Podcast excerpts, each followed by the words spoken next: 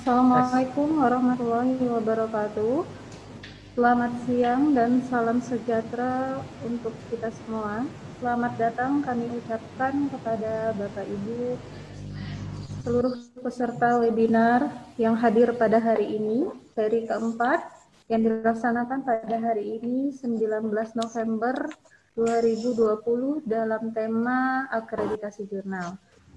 Yang terhormat Dekan Universitas Profesor Dr. Hazairin Bengkulu, yang kami hormati Ketua RJI Pusat, yang kami hormati Ketua RJI Korda Bengkulu beserta seluruh jajarannya pada hari ini. Pertama-tama marilah kita panjatkan puji dan syukur kita atas kehadiran Allah Subhanahu wa taala di mana berkat rahmat dan hidayahnya pada hari ini kita masih diberikan kesempatan untuk berkumpul kembali dalam webinar RJI Korda Bengkulu seri keempat.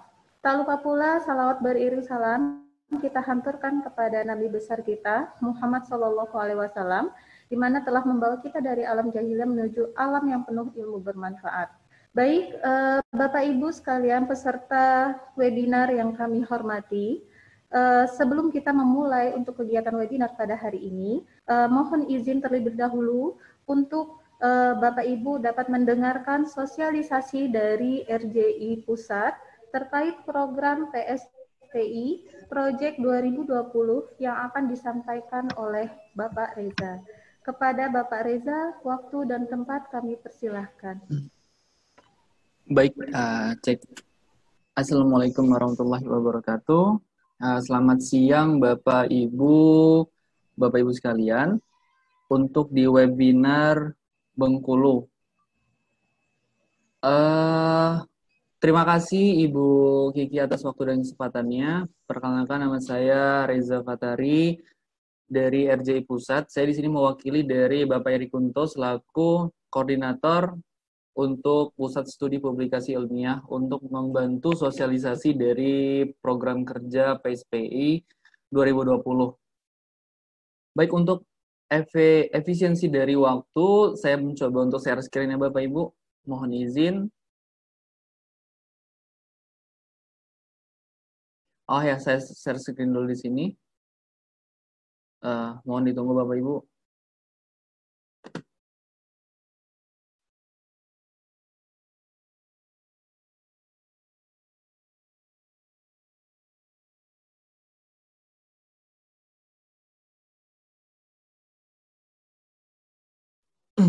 Ya, baik Bapak Ibu, uh, ini adalah program kerja dari PSPI Project 2020. Jadi program ini uh, sebelumnya kita launching pada tanggal 28 Oktober bertepatan Hari Sumpah Pemuda. Di situ juga sekalian uh, launchingnya bertepatan dengan beda jurnal selama 12 jam pada waktu itu.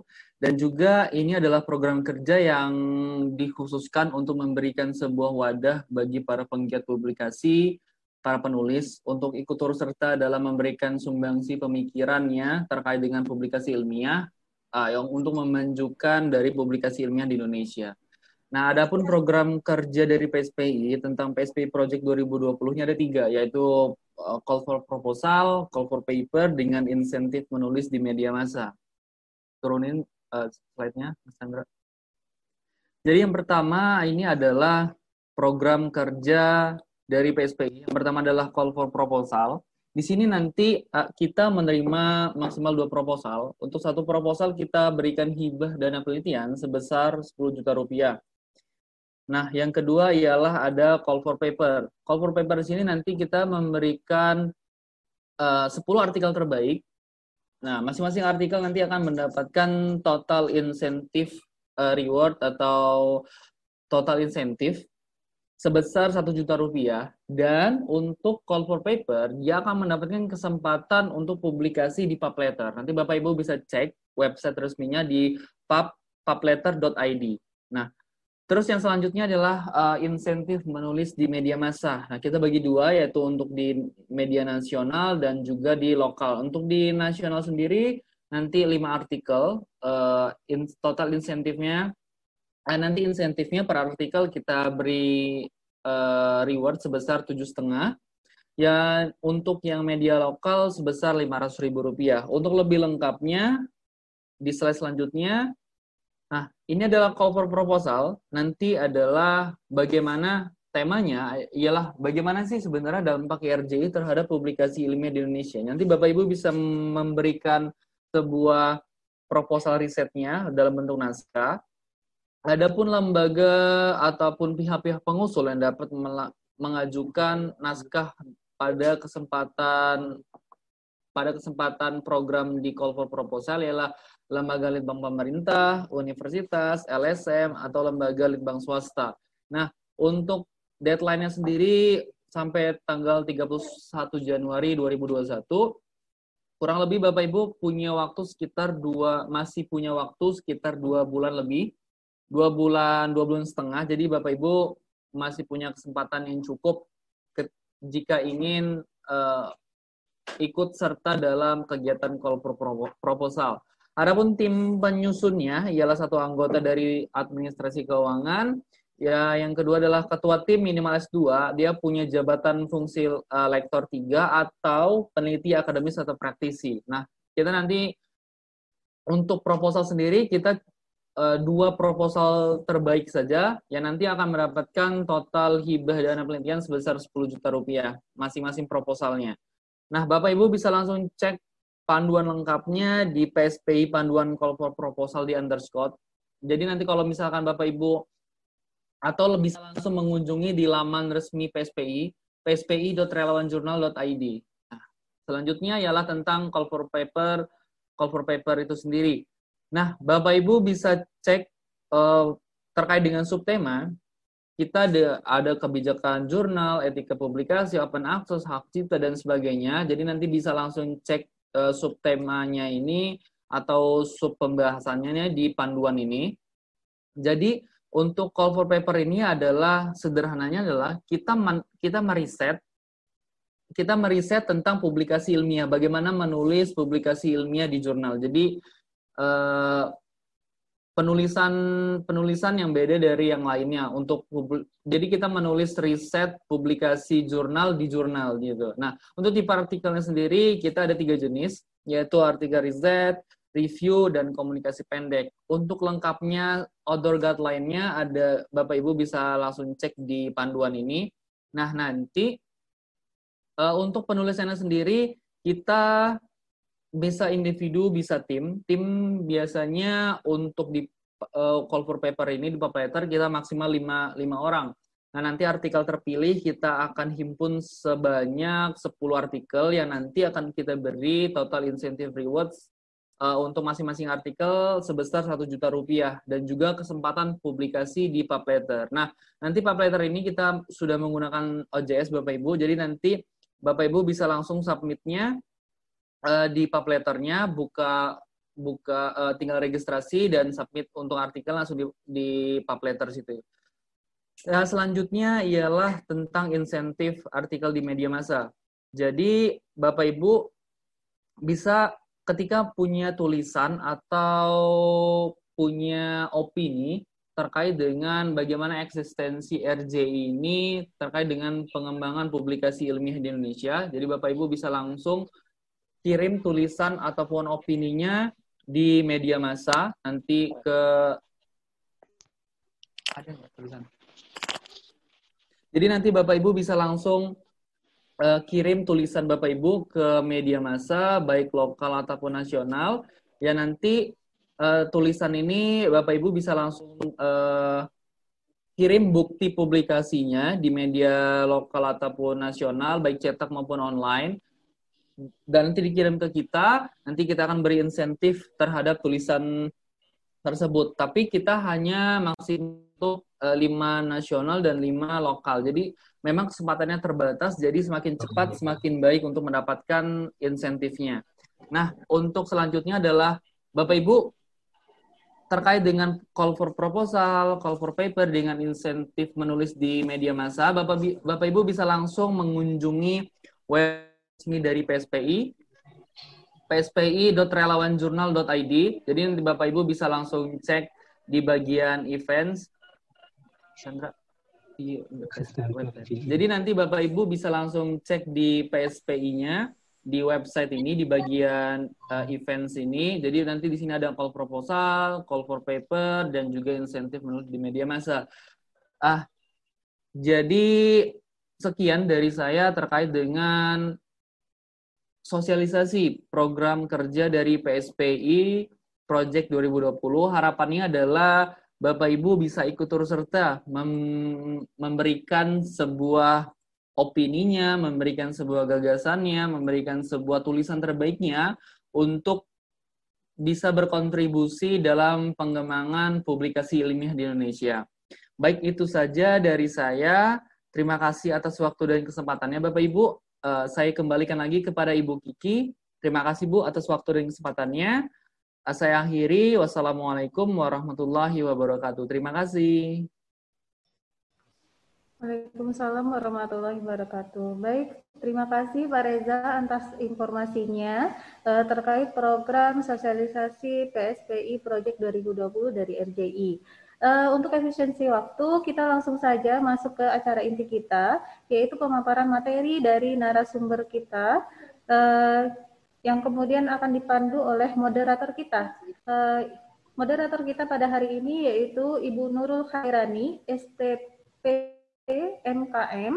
Beliau merupakan uh, salah satu kepala lembaga penelitian dan pengabdian masyarakat yang berasal dari Universitas Trimandiri Sakti yang saat ini juga termasuk ke dalam pengurus RJI Kota Bengkulu. Um, Berikutlah data dari moderator kita.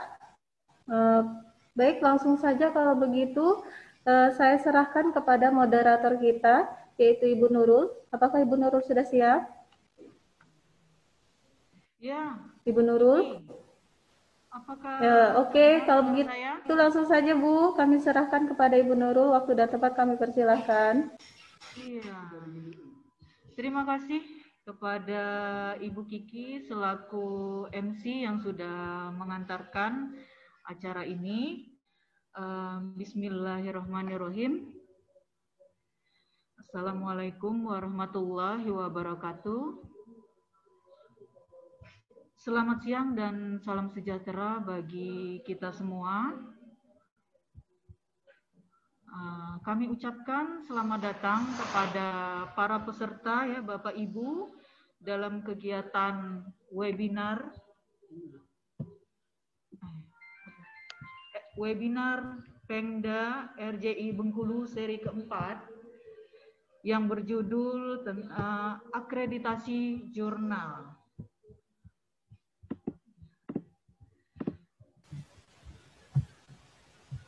Webinar ini sangat penting sekali ya uh, bagi dunia akademisi. Di sini saya melihat bahwa ada pesertanya uh, dari dunia akademisi ya, yaitu mahasiswa, dosen, dan pengelola jurnal. Pada saat ini uh, jurnal merupakan suatu kebutuhan ya dalam dunia akademik selain sebagai pembuktian keilmuan juga di sini juga dibutuhkan oleh mahasiswa baik S1, S2 maupun S3 sebagai syarat kelulusan. Karena sejak dari tahun 2014 sudah ada uh, dari surat edaran Kemendikbud bahwa setiap uh, lulusan baik mahasiswa S1, S2 maupun S3 bisa mempublikasikan uh, penelitiannya uh, di jurnal-jurnal. Khusus untuk S2 sekarang harus di jurnal terakreditasi ya. Dan juga di Indonesia jurnal terakreditasi nasional ini masih uh, sangat sedikit sekali walaupun jumlah jurnal yang ada di Indonesia ini sudah cukup banyak yang sudah dalam bentuk open journal system namun belum banyak yang terakreditasi. Juga bagi para dosen sangat butuh sekali ya untuk keluaran hibah penelitian dari Ristek BRIN dan juga pengurusan kepangkatan. Alhamdulillah pada hari ini kita bisa menyelenggarakan uh, webinar ini untuk merespon kebutuhan para dosen, para mahasiswa, dan para pengelola jurnal. Uh, pemaparan akan dilakukan uh, oleh Bapak Danar Sagala uh, selama kurang lebih satu jam. Selanjutnya akan dilanjutkan dengan sesi tanya jawab selama setengah jam. Kami harapkan para peserta yang datang dari tidak hanya dari Provinsi Bengkulu, di sini saya melihat dari Nusa Tenggara Barat ada Jambi, Bengkulu, ya Jakarta bisa berpartisipasi aktif dalam kegiatan ini dan kami berharap bisa meng, um, mematikan ya sementara untuk mikrofonnya uh, ketika pemaparan. Oke, untuk mempersingkat waktu, uh, kami akan perkenalkan terlebih dahulu. Tapi sebelumnya saya mohon izin selaku moderator akan memandu acara ini. Dan sebelumnya saya akan memaparkan CV dari pembicara kita, Bapak Dr. Danar Sagala, yang merupakan dosen di Universitas Prof. Dr. Hazairin SH Bengkulu, dan juga merupakan editor in chief dari dua jurnal di sini, jurnal uh, pengabdi masyarakat yaitu Abdihas dan juga uh, jurnal buletin agroteknologi. Beliau juga sebagai tutor dan pengurus relawan jurnal Indonesia Pemda Bengkulu. Selain itu, beliau juga sebagai reviewer organik agri Sains Malaysiana yang terindeks Scopus. Juga beliau sebagai reviewer jurnal biodiversitas terindeks Scopus, jurnal agronomi Indonesia yang terakreditasi nasional Sinta 2, serta jurnal Planta Tropika Sinta 2 serta asesor manajemen Arjuna Ristek Brain. Tentu dari latar belakang di sini banyak sekali ya pengalaman beliau terkait dengan uh, jurnal dan akan berbagi dengan kita. Oke, okay.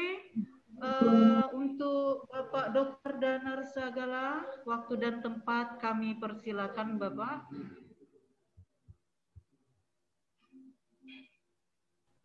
Baik, uh, terima kasih Bu Nurul.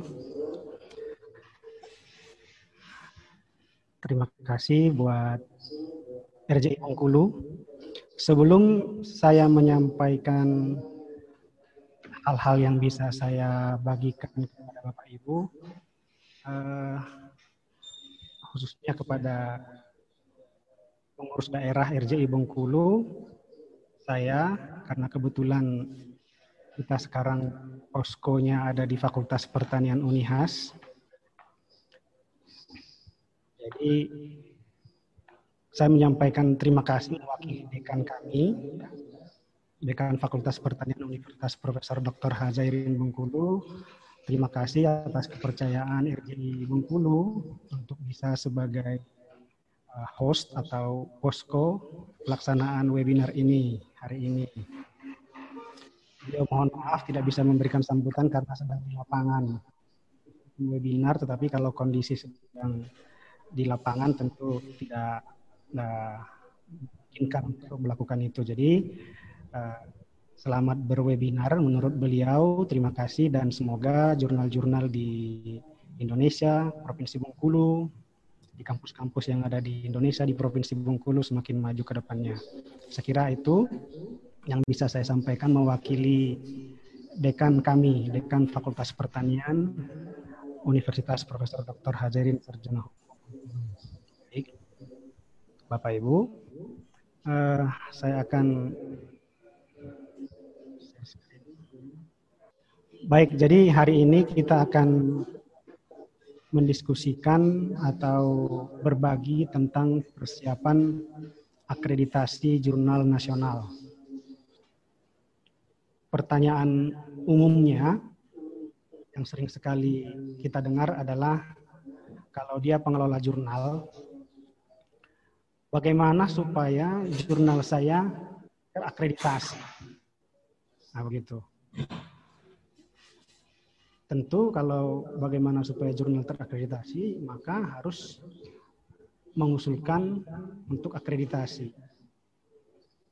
Terkait dengan itu ada lagi pertanyaan yang sering, bagaimana kalau saya ya, saya sering mendengar atau ditanyakan oleh beberapa pengelola jurnal itu bagaimana supaya jurnal saya masuk ke akreditasi terus masuk di Arjuna, terus masuk juga di Sinta.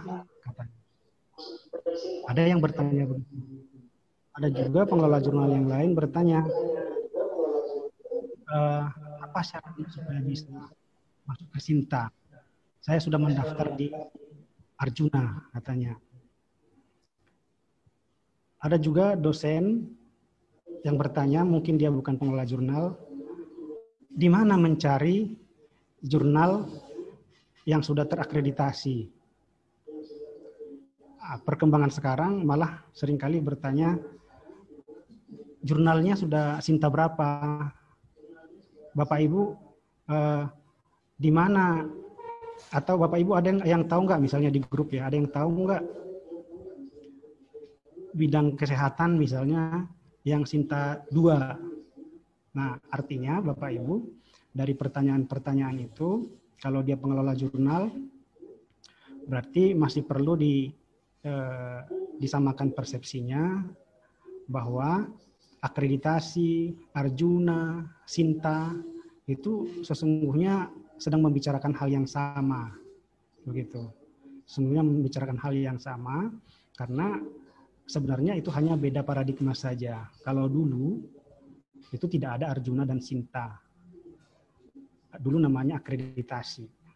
Sekarang juga akreditasi tetap, tetapi hasilnya, outputnya dia Sinta. Jalannya melalui Arjuna, begitu. Iya. Jadi tidak kurang pas kalau bertanya bagaimana jurnal saya bisa uh, terakreditasi atau terdaftar di Arjuna dan juga terdaftar di Sinta seperti itu. Bahkan di mana mencari jurnal yang sudah terakreditasi atau terindeks Sinta itu juga suatu pertanyaan yang mestinya uh, mudah untuk kita dapatkan yaitu di Sinta titik ristekbrin titik .go.id begitu. Nah antara Arjuna, Sinta dan juga akreditasi ini adalah soal paradigma sesungguhnya. Jadi bagaimana supaya jurnal saya masuk ke Sinta, bagaimana supaya jurnal saya terakreditasi, itu tentu jawabannya adalah harus mendaftar. Kalau nggak diusulkan ya tidak akan pernah. Nah itu yang pertama. Jadi Bapak Ibu jalan langkah pertama adalah mendaftarkannya. Ya, jadi dulu itu seperti gambar yang uh, saya share ini, dulu itu akreditasi jurnal itu dua di Indonesia ya, yang jurnal nasional.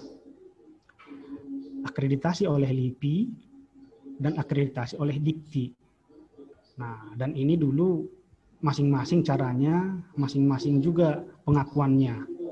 Terkadang ada lembaga satu yang kurang memberi pengakuan nilai untuk misalnya angka kredit atau akreditasi institusi atau lembaga gitu terhadap jurnal yang diakreditasi oleh lembaga lain. Seperti itu. Begitu juga sebaliknya. Nah, di gambar ini terlihat paradigmanya memang berubah. Ada reformasi birokrasi akreditasi jurnal. Hingga sekarang, akreditasi itu tidak dua lagi, tetapi satu tidak ada lagi akreditasi dikti, tidak ada lagi akreditasi LIPI. Nah, tadi ada bertanya bagaimana supaya terindeks di Arjuna, supaya terindeks di Sinta. Nah, ini agak uh, rancu pertanyaan dan perlu diluruskan dan saya sampaikan bahwa uh, Sinta itu adalah hasil hasil dari proses evaluasi di Arjuna. Jadi supaya jurnal kita terakreditasi, maka kita usulkan ke Ristek, sekarang yang pegangnya Ristek, kedua-duanya untuk dikti juga untuk LIPI satu saja. Nah, portalnya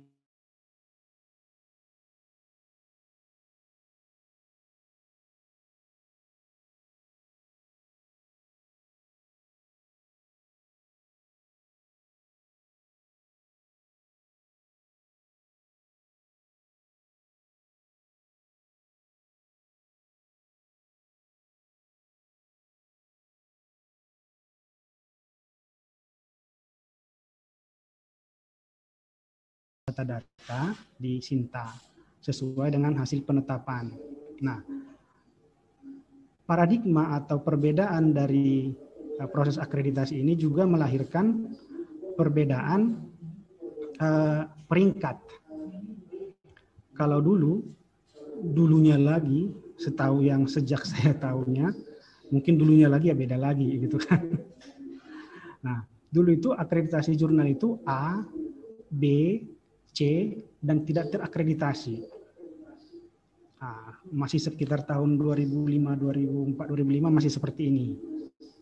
Kemudian berubah menjadi akreditasi A, B, dan tidak terakreditasi. Jadi tidak ada C lagi. Minimal ini yang didikti ya. Saya nggak tahu kalau LIPI apakah begitu sebelumnya karena beda-beda peraturannya. Nah, sekarang ini setelah digabung, setelah menggunakan Arjuna dan juga masuk ke Sinta, maka pemeringkatannya menjadi berbeda. Ya, jadi pemeringkatannya itu menjadi enam peringkat. Peringkat satu, dua, tiga, empat, lima, enam. Kalau di dalam penilaian di Arjunanya, di proses akreditasinya, seperti nilai-nilai yang Bapak Ibu bisa lihat di screen yang saya share. Ya. Jadi dalam masa transisi sekarang, kalau dulu Ya, Bapak Ibu, mudah-mudahan sudah jelas ya. Saya akan teruskan. Jadi peringkatnya itu 1 sampai 6. Nah, di masa transisi ini konversinya adalah yang dahulu itu peringkat atau akreditasi B itu sama dengan peringkat dua. Jadi yang SK-SK jurnal yang dapat B dulu itu dimasukkan ke Sinta itu dalam posisi peringkat dua. A itu peringkat satu, begitu. Jadi uh, jurnal yang baru mengusulkan akreditasi melalui Arjuna yang tadinya belum terakreditasi beda dengan yang sebelumnya sudah terakreditasi baik Dikti maupun LIPI. Kalau dia A dimasukkan ke Sinta 1, kalau B dimasukkan ke Sinta 2. Nah sekarang artinya eh, kalau dalam pengajuan di Arjuna dapat nilai 85 ke atas, itu akan masuk peringkat satu. Atau kalau dia sudah terlebih dahulu eh, diindeks atau terindeks di Scopus atau WOS, dia bisa dikonversi melalui, tetap melalui Arjuna juga eh, ke peringkat satu. Ya, jadi eh, jurnal yang kalau dulu sistem akreditasinya A, B, lalu tidak terakreditasi, artinya kalau nilai dulu masih sama 70 untuk B, maka sekarang jurnal-jurnal yang belum mencapai 70 nilainya diberi uh, apa ya diberi tempat di akreditasi.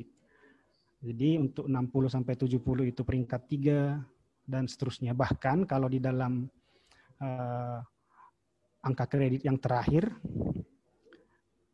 ini kalau nggak salah ini keliru ini ada ada yang peringkat 3 dan 4 dua kali ini. Jadi memang berbeda dia. Jadi jurnal yang terakreditasi Sinta 1, Sinta 2 nilainya 25. Kemudian peringkat 3 dan 4 20. Artinya kalau dulu peringkat A dan B itu dapat 25, di luarnya itu langsung ke 10 ini. Oh yang ini ISSN ya. ISSN. Itu eh, sangat jauh bedanya. Sekarang dihargai jurnal yang Artinya pengelola jurnal yang telah berupaya, yang telah berjuang untuk mengelola jurnalnya Nenek. semakin semakin ideal, tetapi masih mencapai peringkat 3, 4, 5, bahkan 6, itu diberi posisi nilai, khususnya kalau di, eh, di angka kredit ya. Begitu juga dengan di yang yang lain misalnya angka apa di akreditasi institusi atau program studi tentu disebut dia sebagai jurnal terakreditasi. Ya. Nah bahkan sekarang justru didorong untuk kalau melihat struktur ini didorong untuk kita mempublikasikan sebagai dosen yang mempublikasikan artikel kita di jurnal yang sudah terakreditasi walaupun Sinta 5, Sinta 6, Sinta 3, Sinta 4. Karena jurnal nasional yang nomor 6 itu ada dibatasi paling tinggi 25% dari angka kredit. Nah, Dulu masih ada itu jurnal ber-ISSN saja tanpa akreditasi sampai ke lektor kepala kalau dulu-dulu. Artinya sekarang enggak dibatasi 25% saja dari total angka kredit yang kita usulkan untuk uh, unsur penelitian yang boleh untuk jurnal ber-ISSN untuk nilai 10 maksimal itu. Nah, itu bedanya eh, paradigmanya dulu dan sekarang ya. Jadi Bapak, Bapak Ibu eh, hal ini mendorong kita pengelola untuk eh, bersemangat mengusulkan akreditasi karena se- sejauh mana pun sekarang pengelolaan kita itu ada tempatnya di Sinta ya. Kita divisi saya kira bisalah mendapatkan nilai 30 sampai 40 kan begitu. Nanti strukturnya kita lihat satu persatu. Oke. Nah bagaimana mekanismenya? Tadi jawabannya adalah kalau pertanyaannya bagaimana supaya terakreditasi maka diusulkan. Ya diusulkan ke Arjuna. Portalnya adalah Arjuna. Nah eh, Bapak Ibu ada dua pembagian ya. Ada dua pembagian penilaian di dalam Arjuna itu. Jadi kalau kita mengusulkan jurnal itu untuk diakreditasi melalui Arjuna, kita diminta untuk evaluasi diri. Nah, kalau evaluasi diri kita terhadap jurnal itu di atas 70, dari 70 minimal 70 ke atas, itu dikelompokkan kepada uh, yang di atas 70. Kalau evaluasi diri kita di bawah 70 maka dikelompokkan di kelompok jurnal yang di bawah 70 karena perlakuannya akan beda. Ya, perlakuannya akan beda. Artinya proses evaluasinya, asesmennya beda. Untuk evaluasi diri yang di atas 70 itu asesornya empat orang. Asesor substansinya dua orang, asesor manajemennya dua orang. Untuk yang evaluasi diri di bawah 70, asesor substansinya, ah maaf, asesornya dua orang, ya, asesor dua orang. Jadi dari sini uh, tentu menjadi apa ya, menjadi penting kita ketahui Bapak Ibu supaya dalam evaluasi diri uh, kita tidak per, tidak perlu mengevaluasi dirinya itu terlalu tinggi kalau memang belum bisa tinggi begitu. Biasa saja kita evaluasi diri namanya juga evaluasi diri kan. Karena nanti khawatirnya artinya gini tidak terla, boleh terlalu percaya diri jangan juga terlalu minder gitu kan. Nah khawatirnya kalau sebenarnya kita paham bahwa nilai kita itu belum di atas 70 lalu kita pilih-pilih uh, saja jawaban yang tinggi-tinggi dalam evaluasi diri itu sehingga hasilnya 70 ya kita akan ketemu dengan asesor-asesor yang uh, ini yang empat orang ini. Tentu empat orang empat pemikiran itu kan? Empat uh, empat penilaian begitu terhadap jurnal kita itu. Nah evaluasi diri yang di bawah 70 itu hanya dua asesornya jadi sifatnya di sini uh, pembinaan kira-kira begitu Nah, nanti hasilnya, kalaupun misalnya kita evaluasi dirinya di atas 70, sangat percaya diri. Ya, sangat percaya diri, kemudian dinilai oleh empat orang, bukan berarti tidak bisa nanti penetapan terakhirnya itu di akreditasi yang peringkat 3, 4, 5, 6 yang di bawah 70 begitu. Tidak tidak tidak jadi patokan. Jadi evaluasi di IRI itu hanya menempatkan Bapak Ibu jurnal kita itu di kelompok yang mana sehingga akan diberikan kepada berapa asesor itu saja. Nah ini penting karena uh, sering kali pengelola jurnal sangat terlalu percaya diri ya percaya diri boleh, terlalunya itu yang masih masalah. Terlalu percaya diri, akhirnya dia dipertemukan dengan empat asesor. Nah, padahal dengan kita buat evaluasi diri 70 itu tidaklah langsung membuat jurnal kita itu akan minimal nanti peringkat dua. Bisa saja tahu-tahu hasil dari empat asesor itu dia di peringkat enam ternyata jurnal itu. Bisa juga di peringkat lima atau tiga atau empat lima. 6. Tetapi memang kalau kita membuat evaluasi diri kita di bawah 70 itu eh, kita akan dipertemukan dengan dua asesor, artinya jurnal kita akan diakses oleh dua orang asesor dan tidak mungkin akan masuk ke peringkat dua atau satu. Dari prosesnya saja dia diakses oleh dua orang. Jadi kalau yang di atas 70 kita memungkinkan untuk peringkatnya itu di uh, 3, 4, 5, 6, meskipun evaluasi dirinya di bawah 70, kalau evaluasi diri di bawah 70, sudah pasti paling tinggi yang bisa kita harapkan adalah Sinta 3. Seperti itu. Nah, oke okay ya. Uh, Bapak Ibu, dari sini dan juga dari apa yang saya sampaikan ini tadi, uh, saya ber apa ya, saya menurut saya bahwa mengusulkan akreditasi adalah hal yang harus kita uh, apa harus kita target kita harus semangat karena kita sudah berikan posisi di sana sampai ke Sinta ke-6.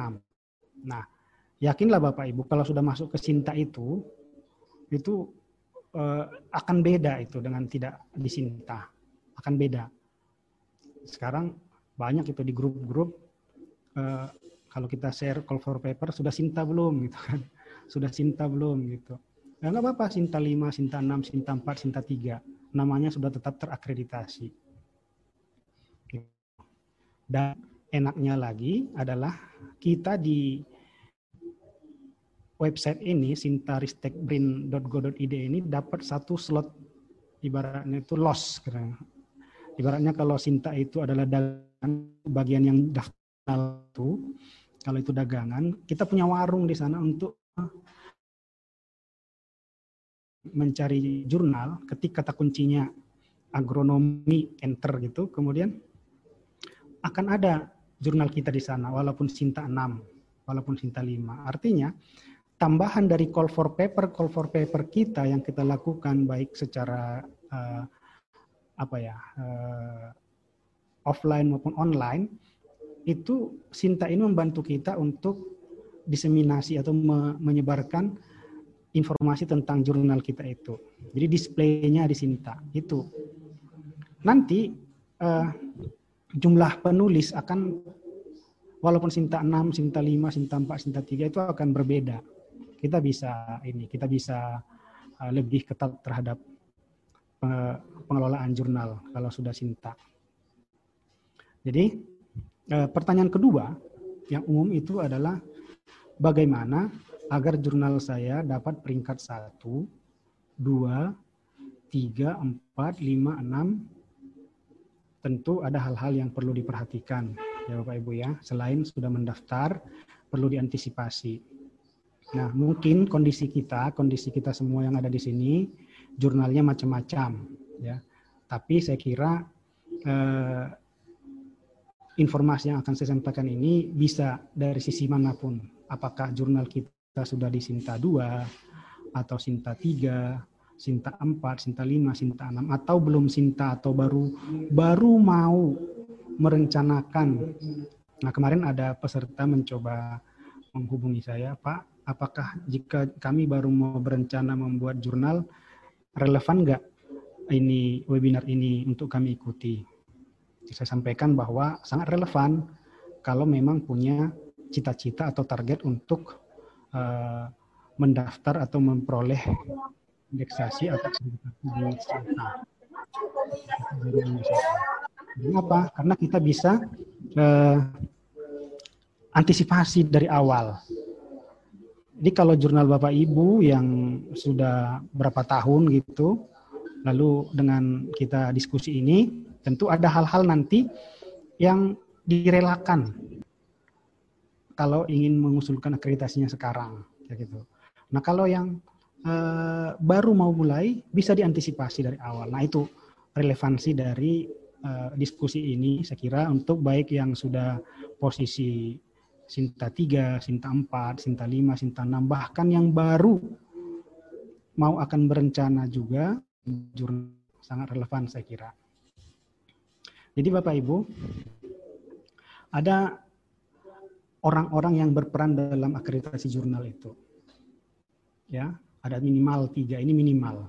Tentu ada yang lain lagi, supportingnya ya, termasuk lembaga, ya pendanaan lembaga segala macam. Tetapi yang langsung terkait dengan uh, fisik jurnal itu, substansi jurnal itu, pengelolaannya itu minimal tiga ini.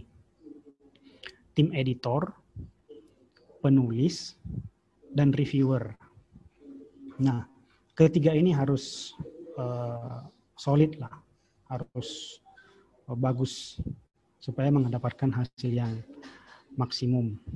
Tetapi terkadang uh, yang dua, penulis dan reviewer, misalnya belum bisa kita uh, buat ideal mungkin, yang pertama, tim pertama yang harus kuat itu adalah, yang nggak boleh nggak kuat itu adalah tim editor. Itu harus kuat itu. Karena ada nanti hal-hal yang memang kuncinya ada di editor ketika kita memang belum sanggup uh, membuat uh, peningkatan-peningkatan atau penekanan-penekanan terhadap dua yang berikut ini, penulis dan juga reviewer.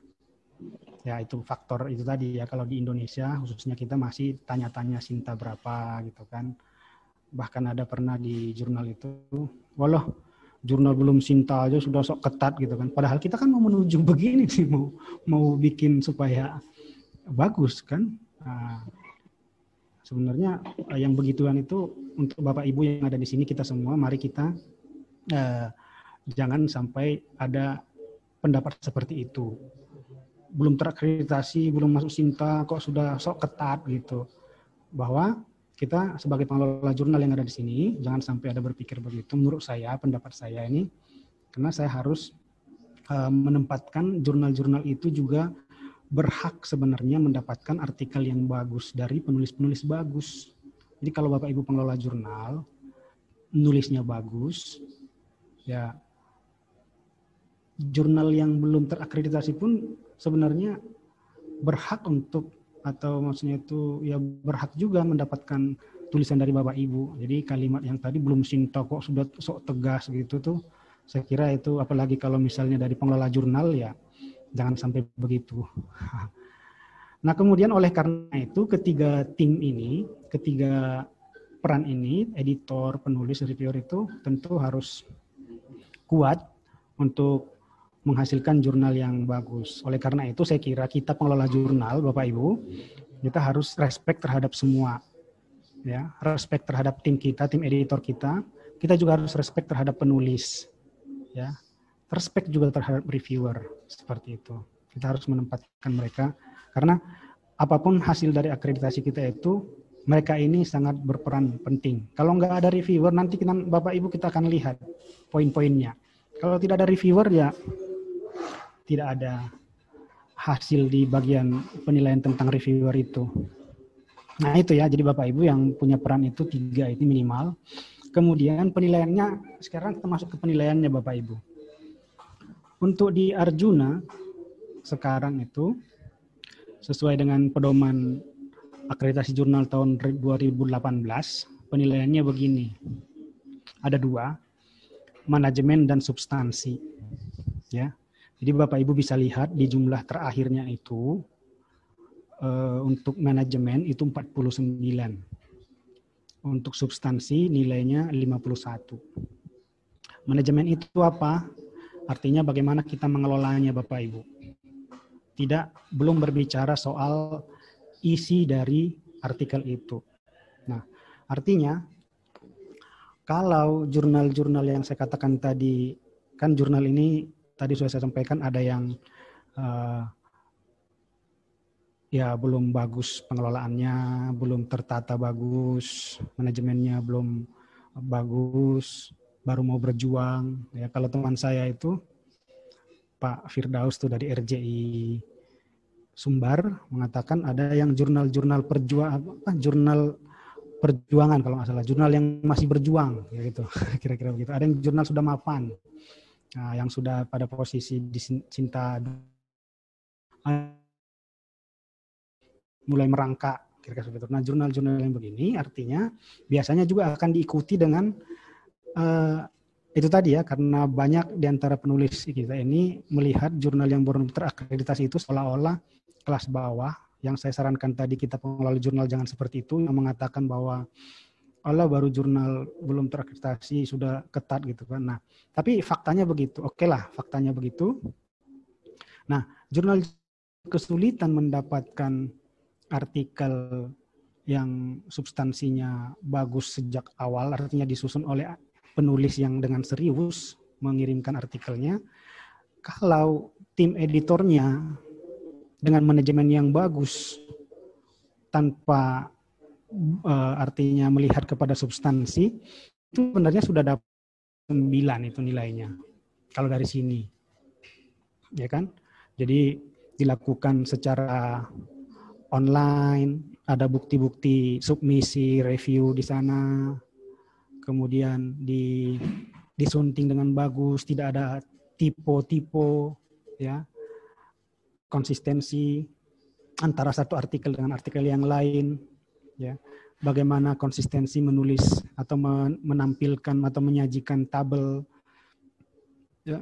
Jadi kalau kita serius di dalam pengelolaannya sebenarnya sudah dapat 49 ini. Ini belum masuk kepada substansi. Nah, bahkan di substansi pun sebenarnya kalau saya lihat di sini itu masih ada yang Eh, kekuatannya itu di editor. Seperti itu kan ada gaya penulisan ya. Di substansi itu, di bobot substansi itu ada dua substansi artikelnya sendiri dan juga pen, gaya penulisan. Nah, di gaya penulisan itu sebenarnya kekuatannya itu juga ada di bisa di bisa di editor juga. Artinya bagaimana uh, gaya selingkung jurnal itu dipertahankan antar artikel maupun antar terbitan, ya, antar nomor, antar edisi. Jadi bersamaan dengan yang manajemen tadi ini, udah bagus manajemennya, meskipun tadi karena dia masih jurnal merangka, jurnal perjuangan atau bahkan baru mau buat, dia sudah karena keterbatasan artikel atau manuskrip yang berbobot, saya katakan begitu, karena biasanya yang berbobot itu langsung dikirimnya ke Sinta yang sudah tinggi. Nah, dengan menjamin pengelolaannya, manajemennya bagus, sebenarnya sudah dapat ini di Sinta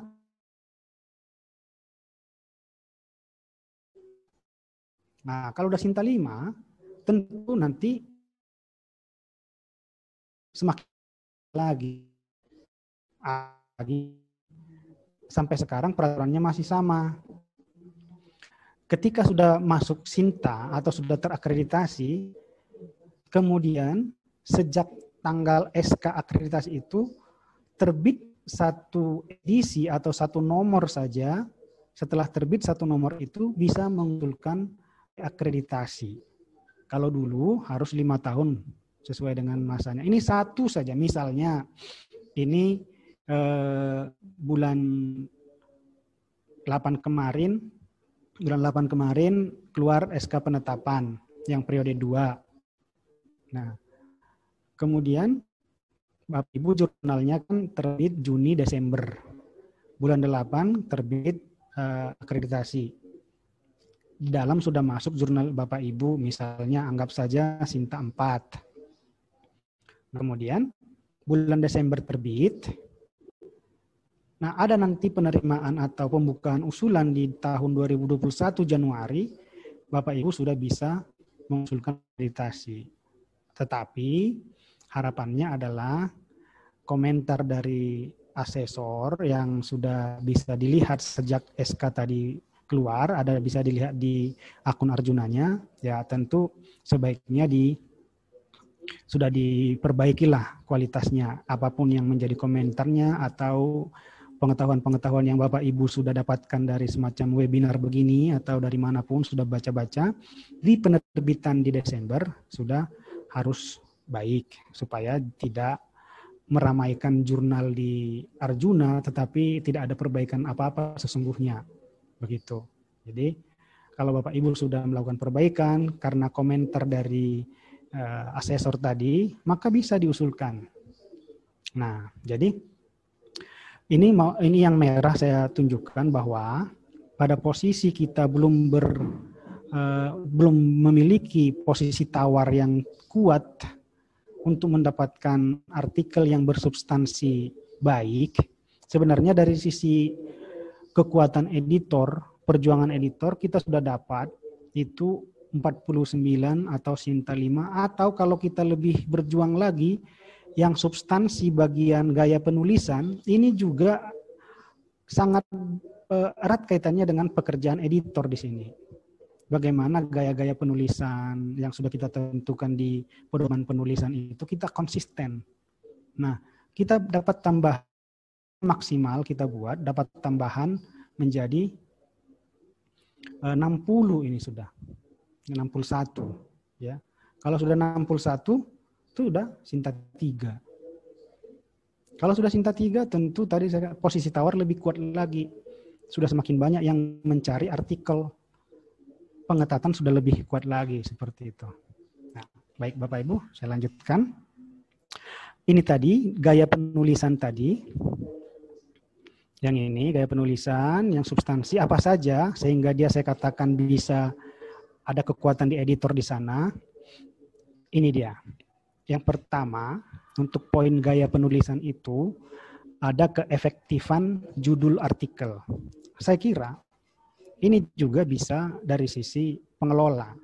Ya, jadi judul-judul yang masuk itu kita bisa berikan saran uh, apakah judulnya itu sudah lugas, ya, sudah me, melingkupi seluruh isi, sudah menggambarkan seluruh isi. Tentu Bapak Ibu kan kita semua peneliti juga rata-rata kebanyak eh, rata-rata hampir semua dosen atau peneliti yang menjadi pengelola jurnalnya kecuali yang teknikalnya ya teknikalnya mungkin ada yang enggak tetapi bapak ibu tentu memahami hal itu. Nah bisa dari sisi ini, meskipun ini tadi posisinya anggaplah reviewer masih lemah gitu ya.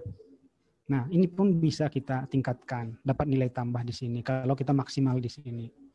Yang kedua pencantuman nama penulis dan lembaga. Ya, ini, ini juga kerjaan editor tentunya. Bagaimana menulis nama autor di artikel, baik di PDF maupun di metadata. Contoh, kalau ada nama cuma satu kata, Supriyono misalnya, ya teman saya ada namanya Supriyono. Mudah-mudahan ada di sini dia. Supriyono, kalau di PDF-nya cukup Supriyono.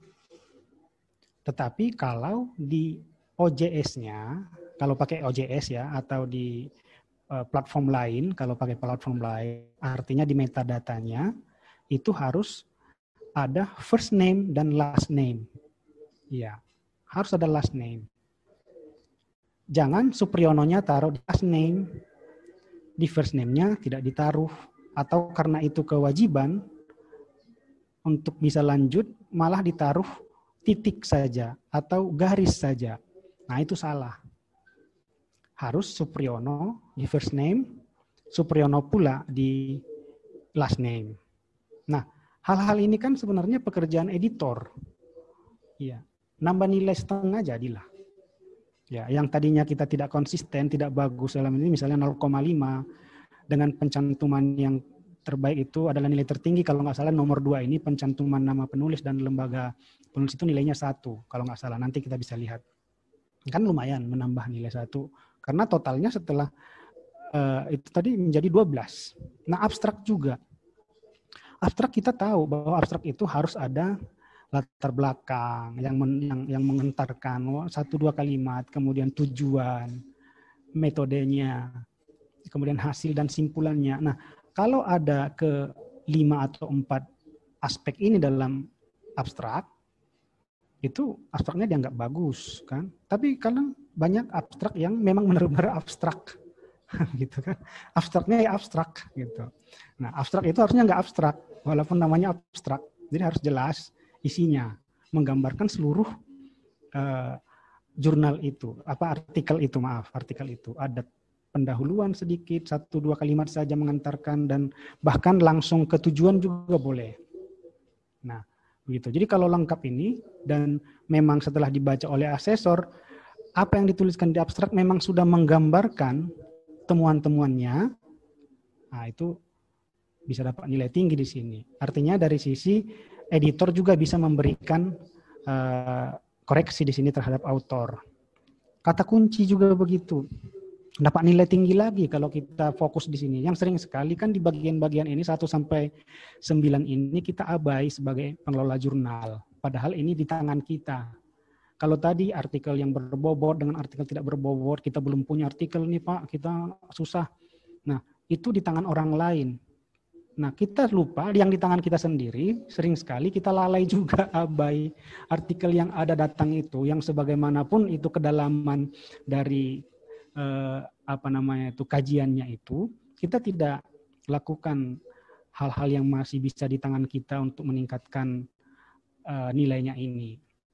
Sistematika penulisan Bapak Ibu, sering kali jurnal itu membuat pedoman atau template, tetapi keluarannya jauh berbeda dari penda, dari pedoman penulisannya. Artinya apa? Dari sisi editornya juga tidak konsisten dengan ini, tidak memperhatikan.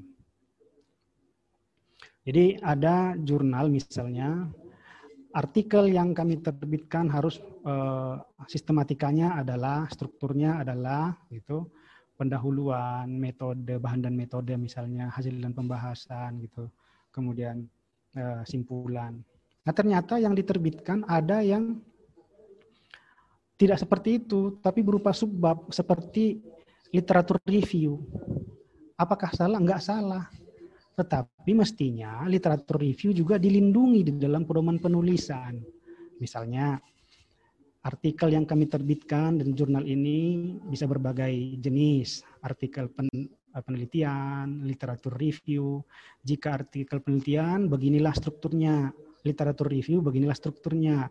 Short communication, begini bentuknya, misalnya begitu. Nah, kita sudah lindungi dia di dalam pedoman penulisan. Maka nanti ketika asesor melihat yang terbit itu PDF-nya seperti apa, oh ini literatur review, dia akan melihat ke sistematika penulisan di pedoman itu, apakah memang ada. Nah, kalau tidak ada, di pedoman penulisan hanya seolah-olah yang diterbitkan hanya artikel penelitian yang terdiri dari pendahuluan, bahan dan metode, hasilan pembahasan, kesimpulan itu, ternyata yang keluar ada satu atau dua artikel yang berupa literatur review, artinya tidak ada metodenya di sana, tidak hanya bahas uh, reviewnya, begitu.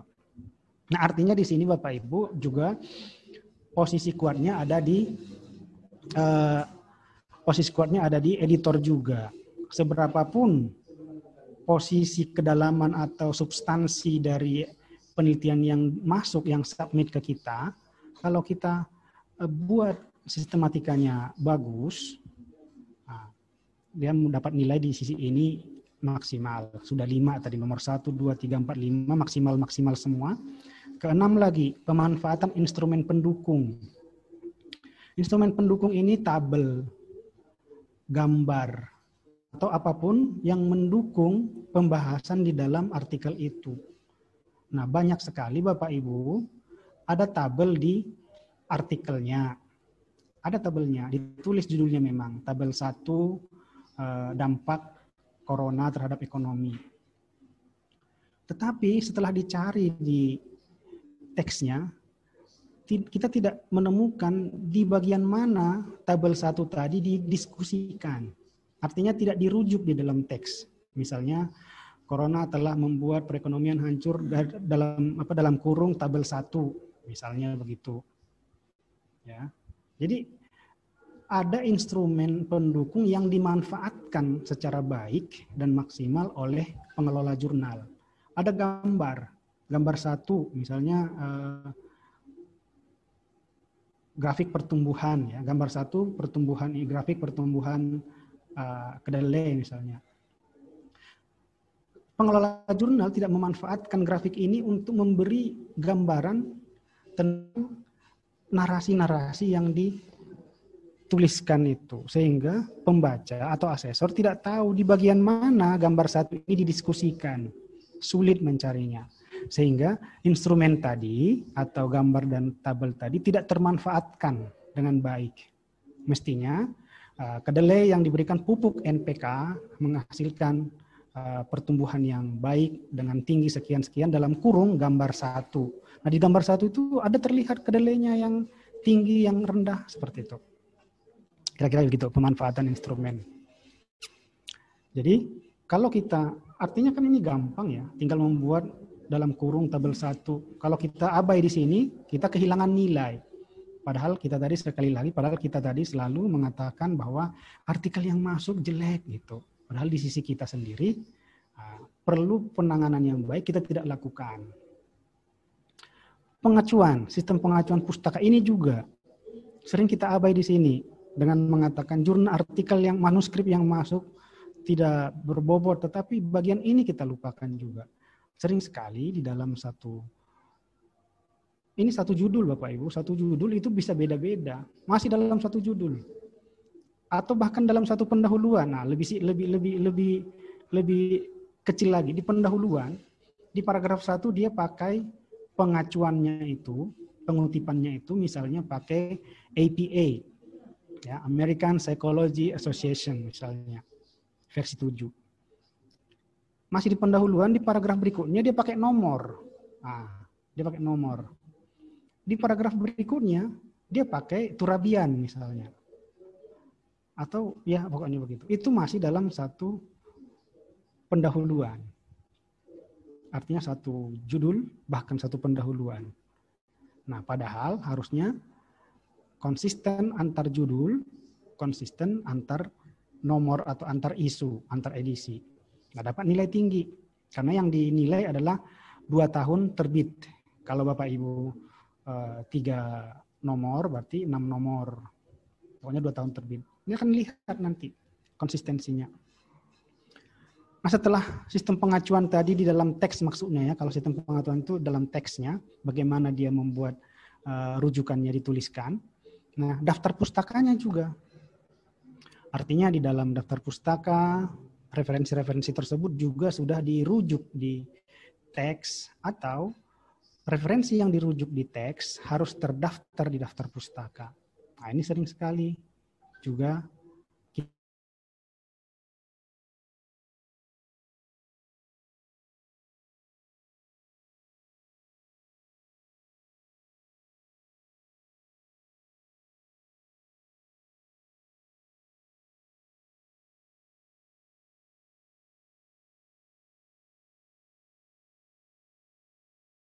di daftar pustaka juga beda-beda, gitu kan? Karena apa? Ya karena tidak uh, memberikan perhatian di sana. Padahal di pedoman penulisan nanti asesor akan melihat ke pedoman penulisan. Pedoman penulisan mengatakan apa? Gitu. Pedoman penulisan mengatakan sistem pe, perujukan atau pengacuan pustaka itu adalah APA. Uh, eh, misalnya apa ya versi 7 atau versi 6 Eh ternyata di daftar pustakanya nggak pakai APA, itu Rabian. Misalnya begitu. Nah, ini juga di sisi kita. Ini yang saya, saya katakan tadi di sisi kita. Tambahannya adalah penggunaan istilah dan kebahasaan. Artinya bagaimana pengelola jurnal juga harus karena di bidang masing-masing kan harus menguasai istilah-istilah dan kebahasaannya. Bahasanya harus bagus. Sering sekali banyak juga jurnal yang uh, artikel yang diterbitkannya bahasanya belum uh, apa SPOK segala macam belum diperhatikan. Jadi hal-hal ini adalah hal-hal yang masuk di dalam kelompok substansi tadi, tetapi eh, kekuatan untuk mendapatkan nilai maksimalnya itu ada di editor sesungguhnya Bapak Ibu. Nah kalau ini kita perhatikan, kita abaikan saja dulu soal substansi yang maksudnya uh, manuskrip yang datang itu keluhan-keluhan kita manuskrip yang datang. Pertanyaan kita adalah apakah saya sudah mengelola dengan bagus itu dulu lah. Nantilah itu soal uh, art, sub, sub, apa, substansinya, kedalaman kajiannya seperti apa. Nanti kalau sudah dapat cinta, kalau ini kan misalnya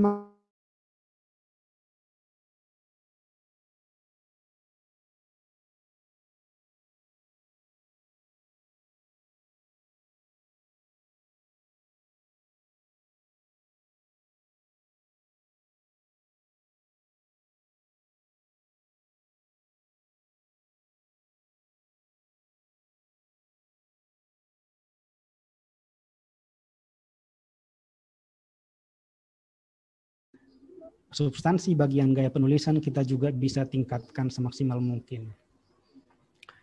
Nah, dari semua itu Bapak Ibu dan juga dari uh, pemahaman saya tentang borang akreditasi, itu tiga yang harus diperhatikan itu adalah konsistensi, referensi, dan juga mutu reviewer. Kenapa? Karena ketiga-tiganya ini punya uh, efek yang ke mana-mana dari semua item-item yang ditanyakan atau item-item yang dinilai dalam evaluasi diri atau asesmen ini, asesmen jurnal itu, konsistensi, referensi, mutu. Kita lihat satu persatu. Konsistensi itu Bapak Ibu kalau kita memang konsen di sana, kalau kita perhatikan itu, totalnya 12. Saya coba ini, saya coba uh, apa namanya, rangkum pertanyaan-pertanyaan yang terkait dengan konsistensi. Yang jawabannya itu, pilihan jawabannya itu ada kata-kata konsistensi. Mutu penyuntingan gaya dan format. Nilai tertingginya dua. Itu kalau penyuntingannya baik dan sangat konsisten. Ya, gayanya sesuai dengan pedoman penulisan, formatnya sesuai dengan penulisan, baik antar artikel dalam satu edisi maupun antar edisi di dalam dua tahun penilaian tadi. Nah, nanti akan dilihat itu semuanya konsisten nggak? Nah, kalau kita bisa konsisten di sini, dapat nilai dua. Artinya mutu penyuntingan di sini adalah eh, penyuntingan editorial ya. Bagaimana kita baca? Saya khawatirnya kita pengelola jurnal nggak baca langsung layout, nah, begitu kan? Kita nggak baca, kita langsung layout, maka akan uh, tidak kita ketahui bahwa ternyata ada banyak tipe di sana, ada banyak kalimat-kalimat yang tidak memenuhi EYD di sana. Nah ini akan dilihat. Berarti kalau ini tidak diperhatikan, nanti mutu penyuntingannya dan formatnya itu nilainya bisa 0 atau 0,5. Penyantuman penulis tadi juga konsisten juga. Ya. Antar antar ini, antar uh, antar artikel. Kadang nggak nggak konsisten juga.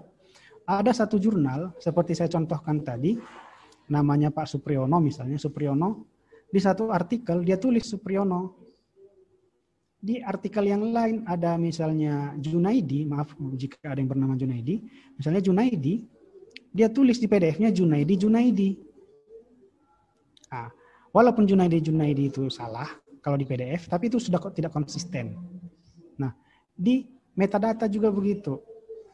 Ada satu jurnal, ada satu artikel masih di edisi yang sama, dia tulis first name-nya Supriyono, uh, last name-nya Supriyono. Di artikel yang lain metadatanya, di first name-nya dibuat titik, di last name-nya dibuat Junaidi misalnya. Karena apa? Karena pengelola jurnalnya tidak ketika mau sudah mau publish ya, mau production tidak memperhatikan metadata, tidak diperbaiki. Dia ngikut saja apa yang sudah dipenulis ketika registrasi. Seperti itu. Nah, ini dapat nilai satu kalau konsisten, lumayan. Kalau enggak konsisten, berarti 0,5 berkurang. Kata kunci juga begitu, harus konsisten. Bagaimana eh, antar artikel itu memang semuanya bisa menunjukkan eh, kata kunci yang tidak terlalu general, yang bisa menggambarkan eh, kunci-kunci dari artikel itu. Nah, kalau setiap edisi memang kata kuncinya itu dipikirkan dengan baik, terkesan memang dipikirkan oleh baik, terlihat dari pemilihan kata kunci yang dituliskan, maka nilainya akan satu. Kalau enggak berarti 0,5. Bapak Ibu 0,5 atau satu itu sangat penting karena akumulasinya nanti bisa sekian. Konsistensi di pengacuan tadi juga sudah saya sampaikan eh, di slide sebelumnya, daftar pustaka, ukuran bidang tulis, kertas HPSK, kertas apa gitu kan. Eh, kemudian tata letaknya Bapak Ibu juga. Tata letaknya. Di mana posisi uh, judul di mana posisi ya hal-hal apa jenis apa namanya itu sub-sub yang lainnya. Nah, tata letak ini juga terkait dengan Bapak Ibu uh, nanti kelihatan di layoutnya ketampilannya. Ada kadang halaman itu sangat longgar di bagian bawahnya. Jadi tidak full di satu lembar. Karena setelah kalimat terakhir itu dia mau menyajikan gambar misalnya. Sementara gambar tersebut kalau ditaruh di situ dia akan langsung otomatis ke bawah. Artinya di bagian uh, bawah itu sangat longgar. Harusnya pada posisi seperti itu jangan dipaksakan. Karena gambar tadi di mana pun bisa dibuat, yang penting diupayakan tidak terlalu jauh dan dirujuk di kalimat itu, misalnya gambar satu tidak tidak harus di bawah itu kalau dia me, mengurangi eye catchingnya ya apa eh, tampilannya yang nggak bagus jadinya jadi kosong di bagian bawahnya. Maka jangan dipaksakan taruh saja di atas atau di di bawah naikkan eh, paragraf yang berikutnya di situ supaya satu halaman itu full. Nah itu juga bagian dari tata letak ini. Tipografi ya. Tipografi ya bagaimana tulisan-tulisannya, huruf-hurufnya, jenisnya, ya ukurannya. Banyak artikel yang antar artikelnya beda, tipe ukurannya gitu kan. Bahkan saya pernah melihat ada jurnal yang eh, karena dia misalnya menggunakan karakter-karakter, misalnya kalau karakter Arab misalnya tulisan Arab gitu, eh, itu kalau misalnya dikirim oleh sub apa oleh autor kemudian Bapak Ibu pengelola jurnal, di komputer Bapak Ibu tidak ada karakter atau font itu, maka bisa jadi uh, lambang-lambang ikon-ikon yang nggak jelas gitu. Nah, kalau Bapak Ibu tidak perhatikan, tidak baca itu artikel, maka bisa yang muncul nanti di PDF kan adalah lambang-lambang atau ikon-ikon itu. Karena tidak ada fontnya di sana. Jadi itu juga konsistensi perlu diperhatikan. Resolusi dokumen. Bapak Ibu kalau membuat uh, foto gambarkan satu hasil, kalau ada fotonya maka uh, resolusinya harus bagus. Ya, jadi Bapak Ibu bisa minta ke autornya untuk diganti, diberikan resolusi do, do, apa foto yang beresolusi tinggi. Begitu juga dengan grafik. Kadang uh, grafik tidak apa ya grafiknya kopiannya dari Excelnya tidak tidak bagus. Di copy sebagai gambar. Apa namanya? Itu bukan grafik tabel misalnya.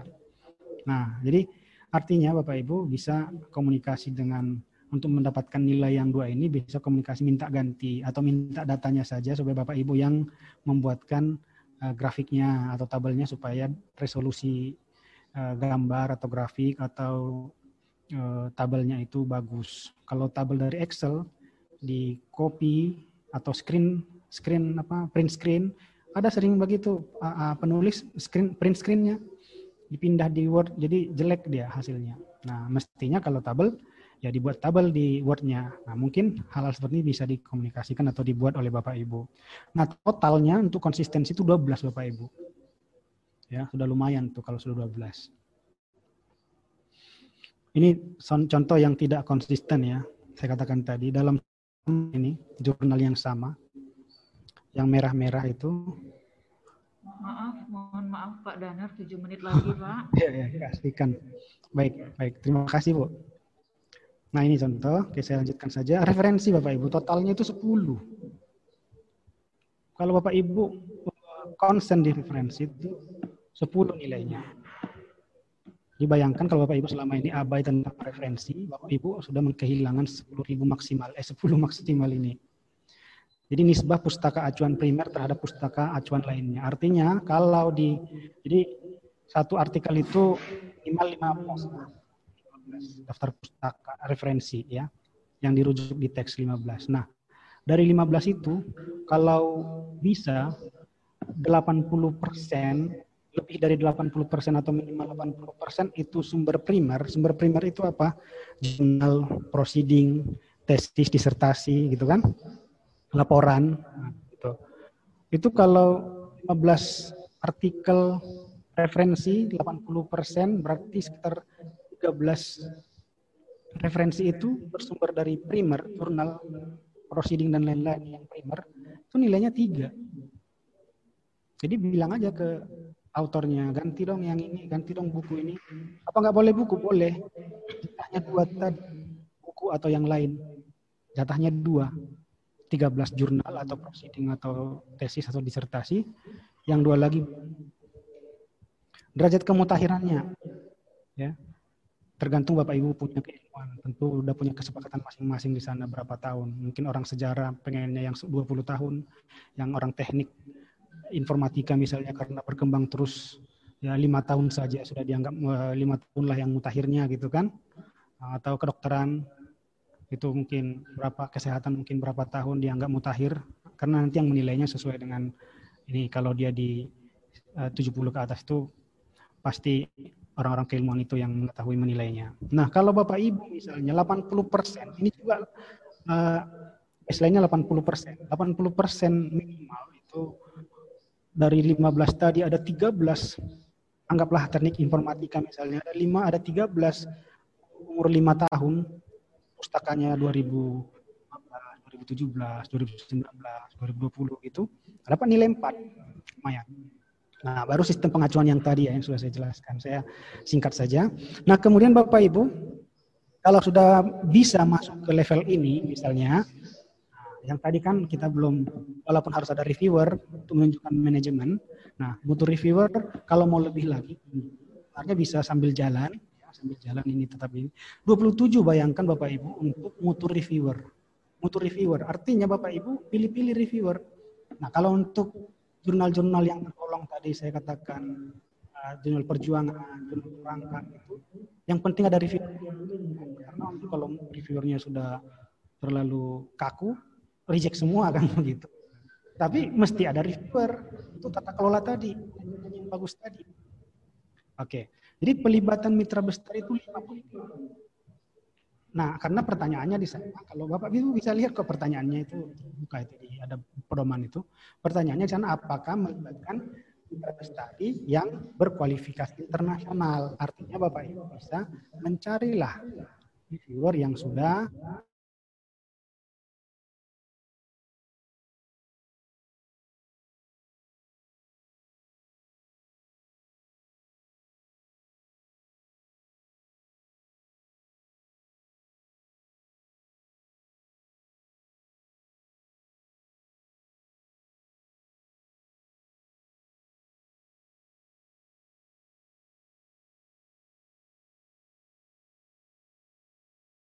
reviewer yang punya uh, pengalaman menulis di jurnal internasional.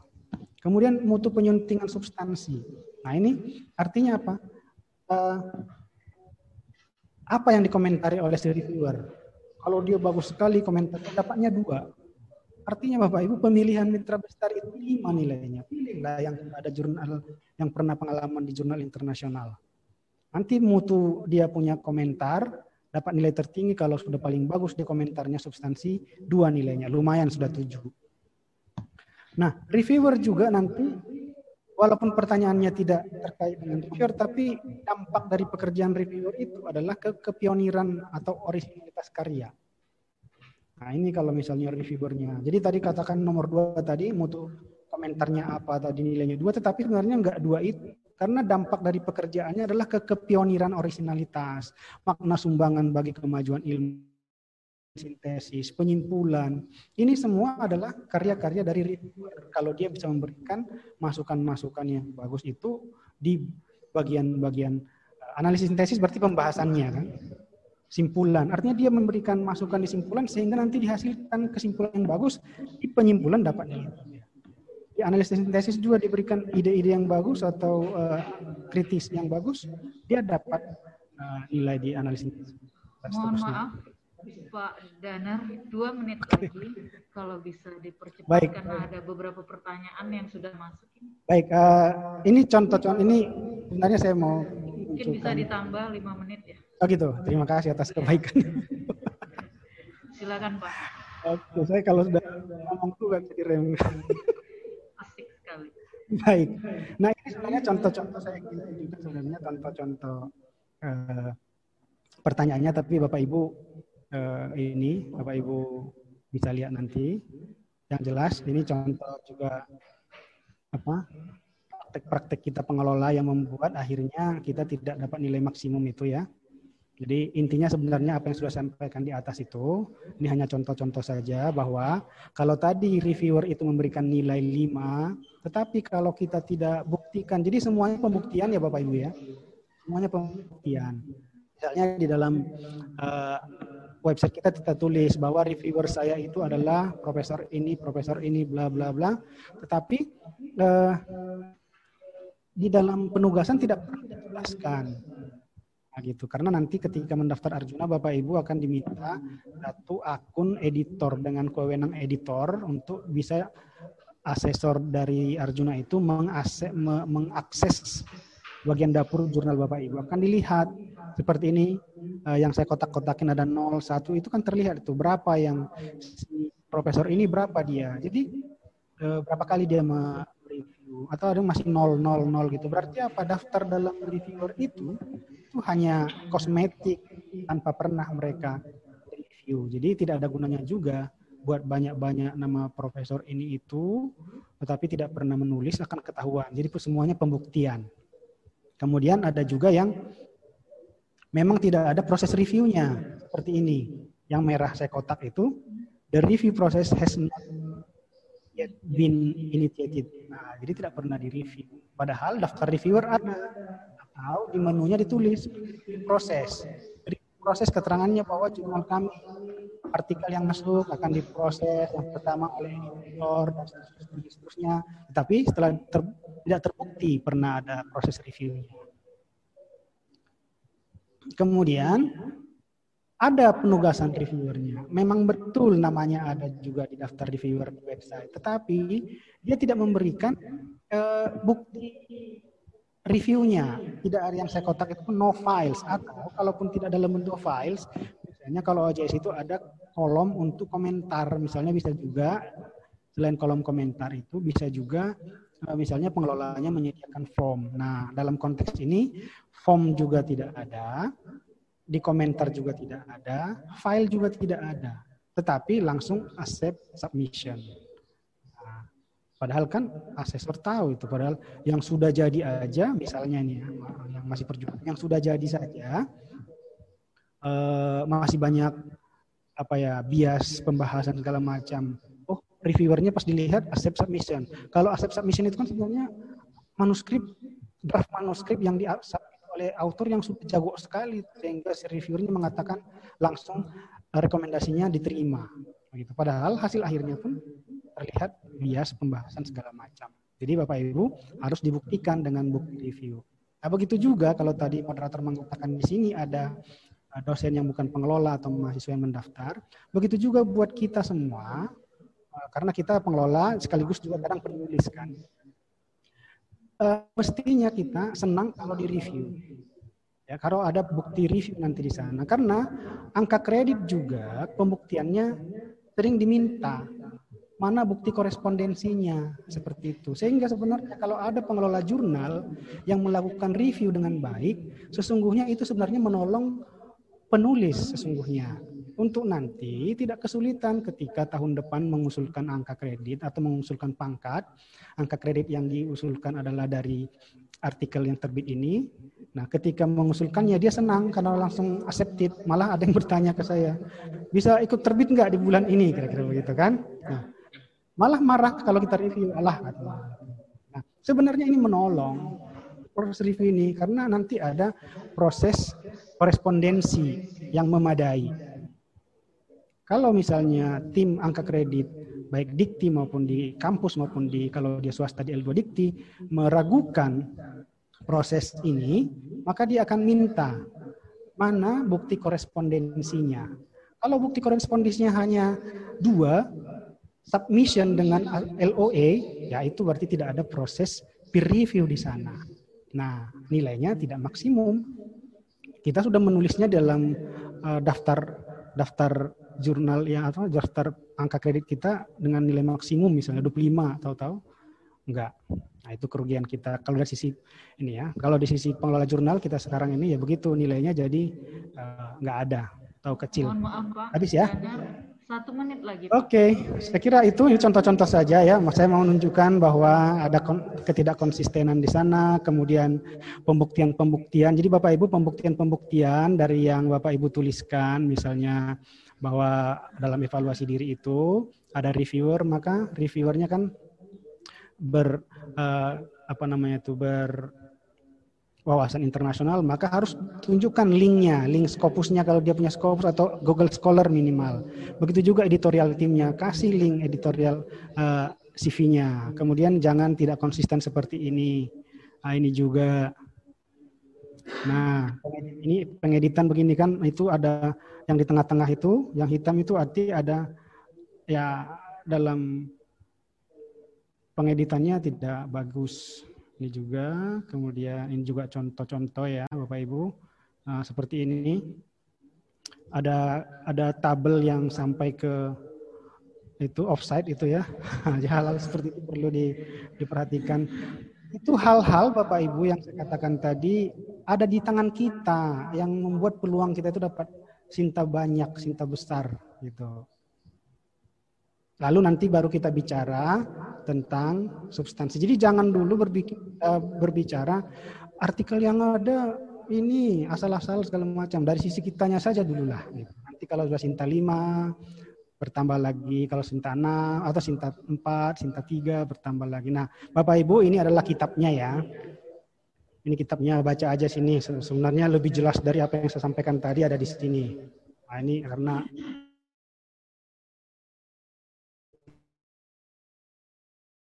Ibu yang baru mau membuat jurnal, sebaiknya baca ini karena penamaan jurnal juga ada nilainya tersendiri. Sebaiknya tapi kalau udah namanya sudah ter, terlanjur sudah sekian volume ya udah nggak apa-apa abaikan saja. Hal-hal lain lah dikerjakan. Begitu ibu moderator maaf nih sudah dikasih tambahan masih kayaknya kurang-kurang aja nih waktunya. Terima kasih. Saya kembalikan kepada moderator. Terima kasih kepada Bapak Danar atas paparannya yang sangat menarik sampai pemapar sendiri enjoy dan kami juga enjoy dalam menikmati paparannya.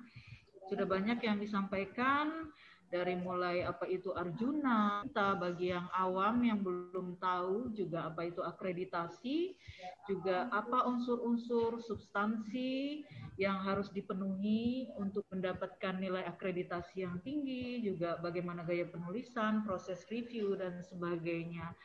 Oke, ini uh, Pak Danar sudah ada yang bertanya nih, ada empat pertanyaan.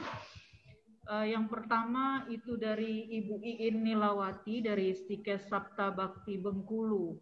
Nah, di kalangan dosen itu sering rancu sebenarnya. Mungkin Bu Iin ini juga masih bingung. Apa sih bedanya antara Sinta 3 dengan uh, jurnal yang terakreditasi peringkat 3? Apakah itu ada, sama maknanya, Pak? Mohon uh, pencerahannya. Baik, uh, terima kasih Bu.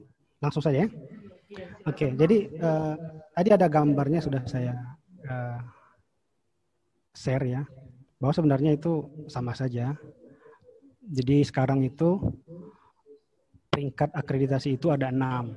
Saya katakan tadi peringkat satu peringkat 2, peringkat 3, peringkat 4, 5, 6. Nah, lalu uh, Ristek itu dulu namanya Ristek Dikti. Ristek itu membuat namanya memang membuat nama pewayangan ya. Ada Arjuna, Sinta, Rama, ada Anjani gitu. Semuanya supaya khas Indonesia karena Sinta ini harapannya menjadi pengindeks kan begitu. Uh, jadi karena dia akan dimasukkan ke Sinta hasilnya itu, maka peringkat satu itu ya Sinta satu, peringkat dua itu Sinta dua, peringkat enam itu ya Sinta enam, seperti itu. Ya, mencermin apakah mencerminkan peringkat akreditasi? Betul ya. Jadi Sinta tiga itu adalah akreditasi peringkat tiga. Sinta satu itu akreditasi peringkat satu. Seperti itu, mudah-mudahan bisa membantu. Baik, terima kasih atas jawabannya Pak Danar. Mungkin uh, Ibu Iin uh, cukup atau puas Bu? Oke, terima kasih Ibu Iin. Uh, puas dengan jawaban dari Pak Danar. Untuk selanjutnya ada pertanyaan nih Pak dari Bapak Ivan Christian dari STT Amanat Agung. Uh, beliau bertanya terkait dengan template jurnal nih Pak ya. Jurnal beliau ini adalah jurnal bidang ilmu teologi, sehingga cakupan pembahasan umum bisa studi kepustakaan atau penelitian lapangan. Apakah bisa jika kami menyediakan dua template, satu artikel untuk literatur review ini sepertinya ya, dan satu untuk uh, artikel penelitian lapangan atau research artikel. Mohon masukan dari Bapak Dana. Silakan Baik, Pak. terima kasih. Dengar nggak ya? Di sini tertulis unstable. Dengaran ya? Oke, okay, baik. Uh, Sebenarnya nggak apa-apa, jenis artikel yang kita terbitkan itu bisa berbeda-beda dalam satu jurnal. Yang penting tadi saya sampaikan juga sebelumnya, kita lindungi eh, hal itu di dalam pedoman penulisan. Jadi dalam penulisan pedoman penulisan kita tuliskan jenis artikel apa saja yang boleh disubmit di jurnal kita. Apakah artikel research, hasil penelitian, apakah literatur review ataukah yang lain-lain. Nah, kalau memang kita menerima berbagai jenis artikel di jurnal kita, maka masing-masing kita harus tuliskan. Tidak boleh tidak dituliskan, tidak boleh hanya menyebut atau menuliskan jenisnya saja, tetapi masing-masing harus dituliskan strukturnya atau sistematika penulisannya.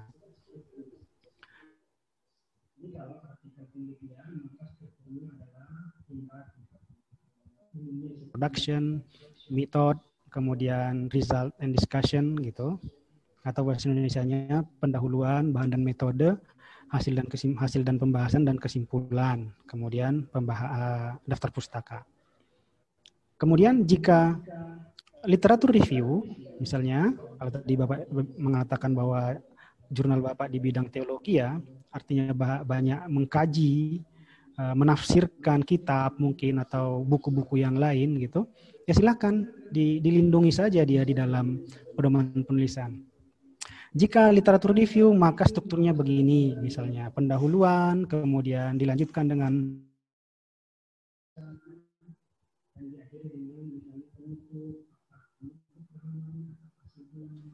di, dilindungilah ini semua di dalam pedoman penulisan kalau mau dibuat di dalam template masing-masing juga template-nya lebih bagus lagi karena di dalam penilaian akreditasi itu nanti ada juga penilaian yang maksimal itu jika pedoman penulisannya lengkap, rinci, dan apalagi ditambah dengan template.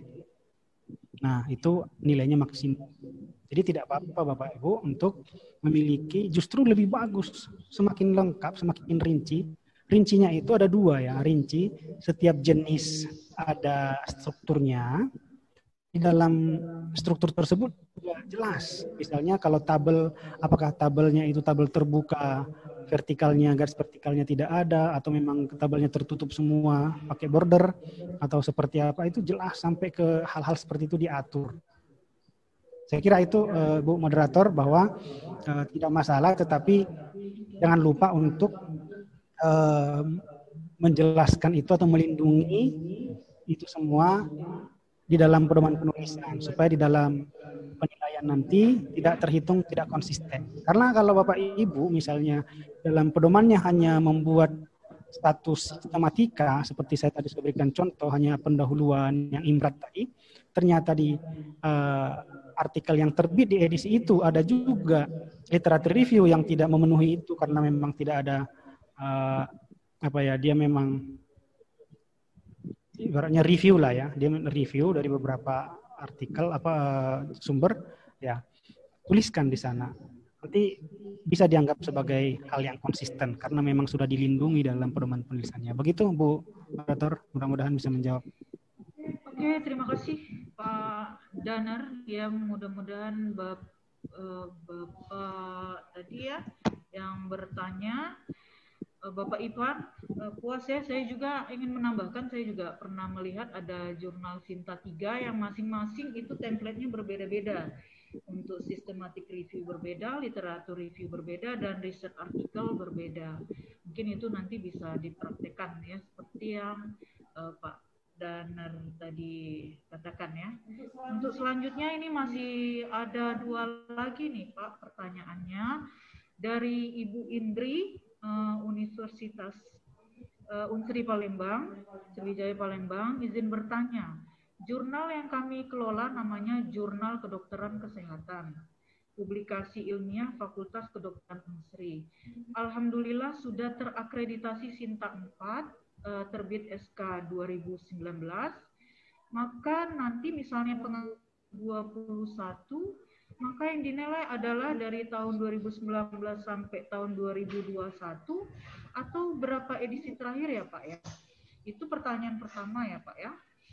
Terus yang pertanyaan selanjutnya dari Ibu Indri juga, salah satu penilaian bahwa nama jurnal masih menggunakan nama lembaga, bagaimana solusinya Pak? Apa merubah nama tersebut?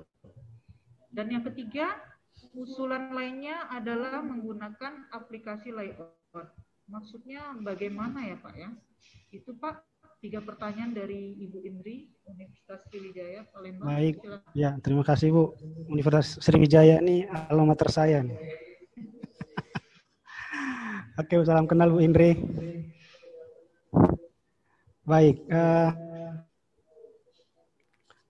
memang tadi setelah ketika Ibu moderator membacakan jurnal namanya Jurnal Kedokteran Kesehatan titik dua apa publikasi ilmu Fakultas Kedokteran saya sudah menduga nilainya nol ini untuk penamaan nilai penamaan untuk penamaan jurnal. Jadi ini juga uh, ini yang saya katakan tadi kalau ada di antara bapak ibu di sini calon-calon pengelola jurnal rencana untuk membuat jurnal maka hal-hal yang saya sampaikan tadi bisa menjadi antisipasi. Nah karena waktu tadi uh, singkat sebenarnya saya akan bicara juga sedikit dari tentang ini. Kebetulan ada pertanyaan ini. Nah di dalam penamaan jurnal itu kan ada uh, tingkatan penil, apa, penilaiannya. Yang penilaian paling rendah itu nol jika ada nama jurnal itu menyangkut nama institusi atau kelokalan. Gitu. Jadi sering sekali kan jurnal pertanian Universitas Hazairin gitu. Seperti ini, jurnal kedokteran kesehatan, publikasi ilmiah Fakultas Kedokteran. Jadi nanti Bapak Ibu yang mengelola yang akan membuat jurnal uh, jangan lihat baca ininya di pedoman akreditasi itu nilai tertinggi sih seperti apa nilai tertinggi itu yang paling spesifik bapak ibu kalau bapak ibu pernah melihat jurnal jurnal sel katanya jurnal sel dia memang namanya sel kan berarti itu sudah sangat spesifik dalam keilmuan Nanti ada singkatannya spesifik, kemudian bidang ilmu, kemudian apalagi itu sampai ke paling rendah itu uh, adalah ada nama. Nah, tapi kalau sudah terlanjur begini, nama itu kan branding ya Bapak Ibu ya. Nama itu branding, potong kambing, mengubah nama kalau manusia kira-kira kan. Nah, jadi branding. Saya kira uh, lupakan saja kalau menurut saya kalau misalnya jurnal ini sudah bertahun-tahun dan sudah dikenal orang gitu kan. Udah bertahun-tahun sudah dikenal orang ya lu dia go forward aja menurut saya. Saran saya go forward masih ada nilai yang lain. Ya misalnya uh, jurnal kedokteran kesehatan juga sebenarnya kalau misalnya tanpa fakultas kedokteran ini tadi dia belum masuk kepada spesifik kedokteran kesehatan berarti kan ada dua keilmuan yang uh, ini nih sudah termasuk boleh dikatakan umum lah general ini ya kedokterannya sendiri general Karena dalam kedokteran sendiri bisa saja kalau ibu buat jurnal uh, objin, nah lebih detail lagi. Di objin ada lagi ke apa lagi istilah seperti tadi jurnal sel gitu kan. Itu nanti akan dilihat ke fokus dan dis, fokus dan skupnya sebenarnya. Fokus dan skupnya apa? Jadi akan terkait itu. Kalau fokus dan skupnya juga melebar gitu kan, atau penilaiannya ke sana. Nah, maksud saya itu tanpa tertulis Fakultas Kedokteran Unsri pun sebenarnya jurnal kedokteran kesehatan itu tidak ter, termasuk yang spesifik juga yang nilai 4 yang nilainya berapa. Saya lupa untuk penamaan itu nilainya tinggi tadi 4 kalau nggak salah itu. Tidak masuk situ juga. Paling dapat nilai 2 misalnya. Misal ya. saya tidak tidak ini tidak itu contoh saja karena belum spesifik. Nah uh, artinya dengan tambahan publikasi ilmiah fakultas kedokteran itu menjadi nol ya cuma uh, rugi dua lah dengan penambahan fakultas kedokteran Unsri. Ya bangga saja nggak apa-apa, nilai dua itu abaikan saja gitu kan. Jadi kalau udah bertahun-tahun misalnya jurnal ini dan sudah dikenal orang itu, jurnal ini branding kan biar aja. Dulu saya daripada capek ngubahnya nanti ke ini. Ke LIPI itu pun belum belum tentu gampang karena kayaknya tahu saya itu di LIPI itu untuk ISSN itu satu nama satu ISSN. Kalau berubah nama harus ISSN baru nanti ibu harus mengurus ISSN baru dengan nama itu. Kemudian oke okay lah di dalam website disebutkan bahwa ibunya adalah ah, ini ada buat history of journal gitu kan. Tapi saya kira branding ya nggak usah lah menurut saya. Nah, itu yang berikutnya tadi apa ya? Uh, share screennya mana tadi? Uh, saya bacakan Ayo. ya Pak. Uh, dari Ibu Indri juga. Jurnal tadi yang Ibu Indri kelola itu terbit SK tahun oh, iya. 2019 okay uh, misalnya pengajuan akrenya tahun depan nih 2021 uh, yang dinilai itu edisi tahun 2019-2021 atau seperti apa? Baik, uh, jadi untuk sampai sekarang peraturannya adalah ketika kita sudah mendapatkan SK akreditasi, sudah dapat sertifikatnya, itu satu edisi atau satu nomor terbit berikutnya setelah itu bisa kita mengusulkan dan yang dinilai atau yang diusulkan oleh Bapak Ibu cukup satu nomor itu saja. Jadi nanti misalnya ibu dapat SK 2019, kemudian sekarang 2020, artinya sudah setahun nih, tahun ini anggaplah perbaikan-perbaikan dilakukan gitu. Kemudian 2020 ini kan udah tutup nih, 2021 akan buka lagi. Nah, yang ibu usulkan cukup yang terakhir, yang misalnya Desember 2020, yang paling terakhir itu. Nah harapannya di yang kapan ibu mau mengusulkannya, upayakanlah semaksimal mungkin di edisi yang terdekatnya yang akan dinilai itu sudah Bapak Ibu buat atau khususnya Bu Indri buat maksimum sesuai dengan eh, saran-saran uh, uh, ini saran-saran uh, reviewer ataupun dari info informasi seperti kegiatan begini kadang tidak semuanya tertulis oleh Pak Assessor itu. Nah kemudian uh, nama lembaga tadi sudah ya, oke, okay, oke. Okay. Kemudian ubah nama nggak perlu kayaknya kalau branding, tapi kalau tapi terserah ibu lah. Tapi yang tadi nilainya saja juga tidak terlalu signifikan, eh, lumayan sih dua. Tapi kalau ibu bisa mengambil nilai itu di tempat lain maksimum gitu, ya nggak usah branding aja itu, uh, jurnalnya itu tetap namanya itu kan. Yang ketiga ada usulan lainnya dari asesor itu ya, komentarnya ya menggunakan aplikasi layout. Sebenarnya mungkin mungkin ya uh, karena cuma begini ininya apa namanya itu kalimatnya saya menduga bahwa uh, artikel yang ibu terbitkan yang dinilai dua tahun itu usulkan 2018 waktu ketika 2019 itu dua tahun selama tertentu ada inkonsistensi layout mungkin.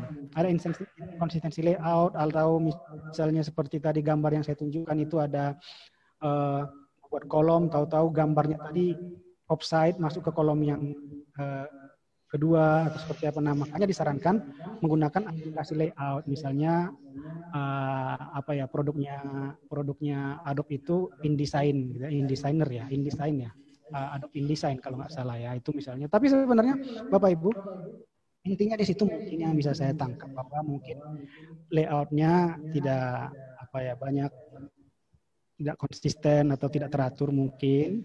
Nah, diharapkan itu. Nah, sebenarnya pakai Word juga bisa kita bikin template ya. Di dalam Word itu kan ada ada style-style itu heading satu, heading dua segala macam. Kita bisa modifikasi heading-heading itu sebenarnya. Nanti tinggal ini aja. Nah, atau yang dimaksud pokoknya yang dimasukkan itu adalah aplikasi layout itu ya seperti itu. Untuk membuat dua tampilan.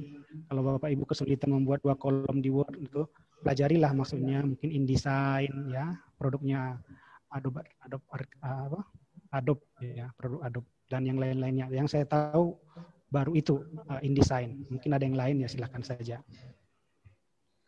Baik, uh, terima kasih Pak Danar. Mudah-mudahan jawaban dari Pak Danar buat Ibu Indri uh, jelas ya Bu ya. Kita lanjut ke ini ada pertanyaan sepertinya dari mahasiswa nih Pak. Dari Mbak Faiza Mastuti. Apakah hasil dari skripsi mahasiswa bisa dibuat jurnal yang terindeks di Sinta, Pak? Jika bisa, masuk dalam Sinta berapa dan bagaimana prosedurnya?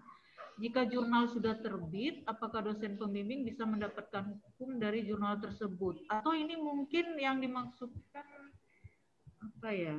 Oke, Bu, saya bisa Iya, coba Bapak. Saya bisa dapat poinnya. Iya. Uh,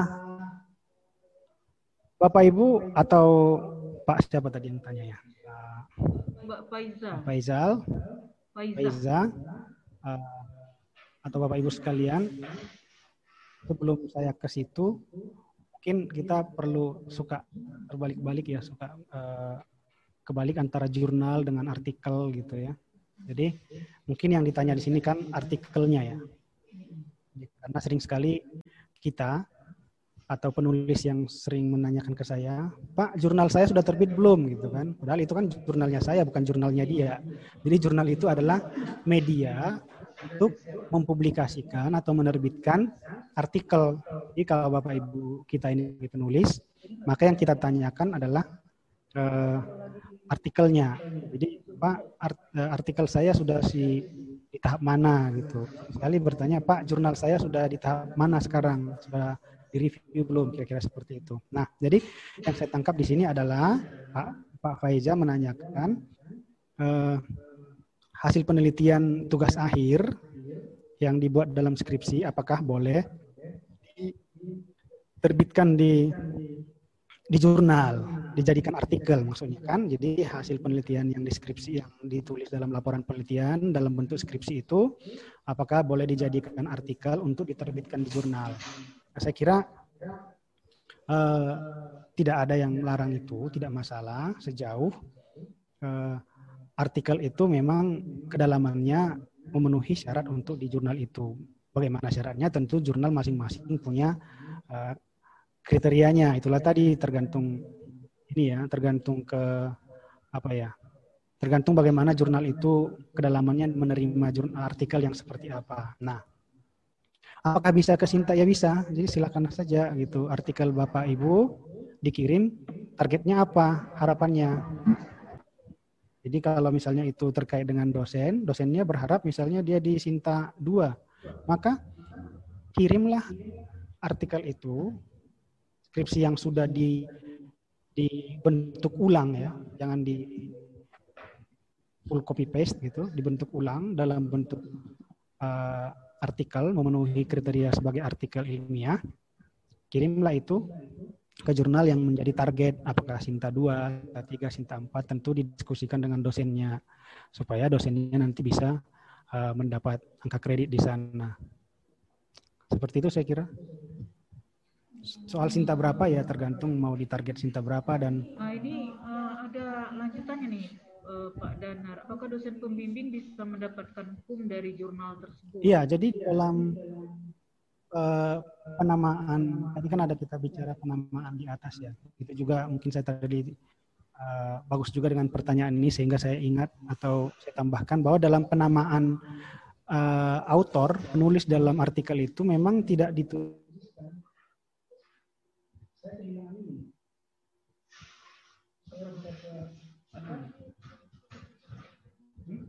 Enggak, enggak, saya ini. Oh, sudah, sudah. Oke. Maaf ada ini ada teknis. Internet saya kehilangan signal tadi. Jadi tidak ditulis di sana di uh, penulis penamaan autor itu tidak ditulis di sana uh, pembi apa namanya itu dosen. Nah, memang ini juga ya Bapak Ibu sebagai pengelola jurnal jangan menuliskan sering saya baca itu Misalnya judulnya apa di bawahnya, ada Nirsagala, kemudian afiliasinya di bawah dosen Fakultas Pertanian. Itu tidak perlu, dosennya tidak perlu, mahasiswa tidak perlu. Nama institusinya saja langsung. Terserah mau nama institusi mulai dari universitas atau mau yang level terkecil laboratorium atau prodi, terserah. Jadi oleh karena itu uh, tidak ada urusannya status sebagai mahasiswa atau sebagai dosen atau sebagai uh, saya pernah melihat jurnal malah ditulis itu bupati apa gitu. Mungkin bupatinya ini kebetulan mungkin pernah atau akademisi juga karena terlibat politik sehingga dia terpilih misalnya sehingga dia masih jiwa akademinya masih ini dia menulis. Nah, ditulis di bawahnya bupati apa gitu. Nah, itu tidak tidak, boleh dalam akreditasi itu nilainya jelek gitu. Nah, oleh karena itu terkait dengan itu maka ya tidak tidak tidak terlihat di sana apakah bapak yang tadi mungkin kalaupun sebagai mahasiswa atau ada dosennya di sana kita semua sejajar dalam penulis itu. Malah walaupun Bapak Faiza tadi misalnya seandainya mahasiswa, kalau dia penulis pertama nilainya lebih besar. 60% untuk Pak Faiza. Kalau misalnya Pak Faiza nama pertama tetapi corresponding autornya dosen, maka 50-50 nilainya seperti itu. Jadi tidak masalah ah, mau apa pun statusnya tetap dapat angka kredit selagi jurnal itu memenuhi kriteria angka kredit yang sudah ditentukan. Begitu. Baik, Pak Daner, ini waktunya tinggal satu menit, tapi saya lihat ini masih ada dua pertanyaan lagi. Mungkin bisa di-share Pak Parwito? Sebelum kita akhiri, ada dua pertanyaan. Tadi saya sempat melihat enggak terlihat, belum terlihat Pak? Oke. Okay. Uh, sudah. Ya. Ini uh, dari Pak Endrat Kartik Utomo, Universitas Duta Bangsa. Bagaimana cara pengajuan jurnal baru? Bisa dijelaskan poin tata cara atau share buku pedoman yang bisa dipakai? Ah, oke. Okay. Jadi ini uh, new journal ya sebenarnya oke okay, nggak apa-apa. Uh, kita pernah ininya itu ada seri pertama kemarin kalau kalau nggak salah di bagian ini ya. Oke okay. jadi artinya bapak Kartik bapak Endrat ini mau membuat jurnal baru mau menjur, baru mau membuat jurnal baru. Nah yang pertama tentu bapak ibu uh, diskusikan saja nama jurnalnya apa, kemudian fixkan nama jurnalnya apa, kemudian uh, skupnya apa, apa apa saja yang bisa diterima, jenis-jenis artikel juga selain skup bidang keilmuan yang diterima, jenis artikel yang diterima, artinya polisinya didiskusikan, difixkan. Kalau sudah oke, okay, Bapak Ibu bisa lihatlah itunya polisi-polisi apa yang perlu diputuskan itu Bapak Ibu bisa lihat jurnal-jurnal yang sudah existing ya. Kalau sesuai dengan bidang ilmu Bapak Ibu, lihat saja di Sinta Ristek Dikti, eh, ristekbrin.go.id itu, uh, Bapak Ibu bidang ilmu apa, misalnya teknik ya. Ilmu teknik misalnya, lihat saja jurnal teknik, lihat saja Sinta satu sekalian untuk jadi ininya. Polisi-polisi apa, kebijakan-kebijakan apa yang ada di situ open access-nya, copyright notice-nya seperti apa dan lain-lainnya.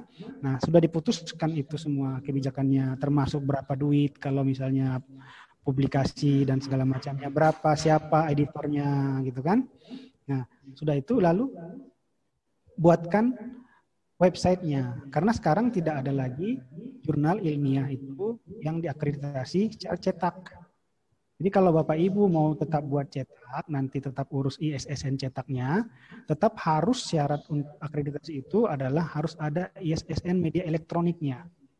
Jadi harus ada, artinya tidak diakui lagi untuk akreditasi itu jurnal yang hanya cetak. Jadi artinya apa? Bapak Ibu harus siapkan websitenya. Platformnya terserah Bapak Ibu. Bisa menggunakan OJS. Saya kira OJS platform yang sudah sangat bagus dan sangat dermawan yang mereka dengan cara gratis. Kita bisa pakai open source kita bisa kotak katik ya. Kita bisa ganggu ganggu kita bisa ubah semuanya ya. Jadi dan memang sudah fam, apa ya sudah friendly juga bagi pengindeks gitu. Untuk Google Scholar sudah cepat dia tangkap itu metadatanya. Jadi saya kira uh, OJS saja. Tapi kalau ada platform lain buat sendiri atau dari mana ya silakan saja. Yang jelas siapkan websitenya, kemudian isilah uh, kebijakan-kebijakan tadi itu di dalam website itu buat menu-menunya. Nah kemudian uh, mulai call for paper. Kalau ini benar-benar baru ya, call for paper, proses uh, artikelnya karena sekarang ini persyaratan di ISSN itu ketat. Ketatnya apa? Harus ada di website kita itu sudah ada PDF minimal 5 Minimal 5 artikel PDF. Ya, harus ada itu. Jadi artinya Bapak Ibu sudah selesai tadi websitenya sudah oke, okay, kebijakannya sudah ditulis di situ semua, editorialnya sudah ada, tim editornya sudah ada, kemudian uh, call for paper, serah ya call for paper atau untuk sementara uh, artikel dari kawan-kawan sekampus dulu, tetapi perhatikan juga syarat jurnal jurnal nasional adalah minimal penulisnya dari lembaga misalnya dari temannya di kampus mana misalnya satu misalnya gitu kan Nah, artinya intinya adalah tersedia uh, eh, PDF artikel di websitenya minimal 5. Nah, kalau sudah ada itu minimal 5, baru Bapak Ibu urus ISSN-nya ke LIPI. ISSN titik LIPI titik go titik ID. Nanti di sana ada form online untuk mendaftarkan jurnal Bapak Ibu mendapatkan ISSN. Nah, setelah itu nanti ditanggapi oleh mereka apakah sudah tervalidasi semua terverifikasi syaratnya. Kalau sudah terverifikasi sudah cocok, kemudian akan diminta membayar 200 ribu. Sekarang 200 ribu masih nggak tahu nanti berubah.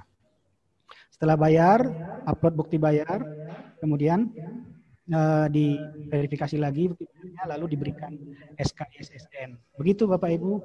Nah, ada mungkin uh, trik kali ya untuk yang baru, untuk yang baru itu yang saya lakukan jadi saya call for paper sudah lengkap web apanya, website sudah lengkap semua, sudah call for paper, saya proses itunya, artikelnya, manuskripnya sudah jadi.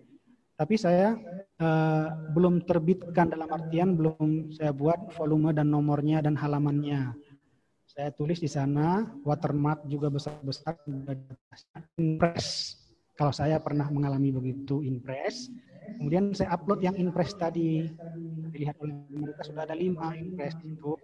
Kemudian dapat ISSN-nya. Ternyata berhasil dapat ISSN. Lalu uh, yang impress tadi itu saya ganti, saya tarik. Tapi ini benar-benar ada serius gitu kan, benar-benar ada serius. Tidak lama dari itu uh, karena memang barangnya sudah jadi.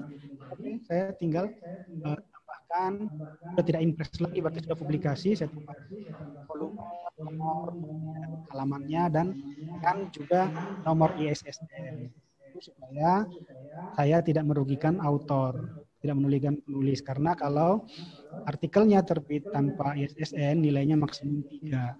Padahal kan yang lima tadi autor itu sebenarnya relawan yang harus terima kasihin gitu. Kan kita nggak usahakan supaya mereka dapat nilai maksimum yang ISSN tadi yang 10 gitu. Kan kasihan. Saya sedang ber, waktu itu berusaha membuat begitu sehingga penulis saya itu tetap dapat angka kredit kalaupun misalnya kita bicara kredit itu ya di maksimum 10 demikian saya kira uh, baik Pak Dana uh, semoga puas ya Pak ya uh, Selanjutnya tadi eh, Pak Endra tadi ya. Selanjutnya sebelumnya ada satu pertanyaan ini ada dua pertanyaan lagi.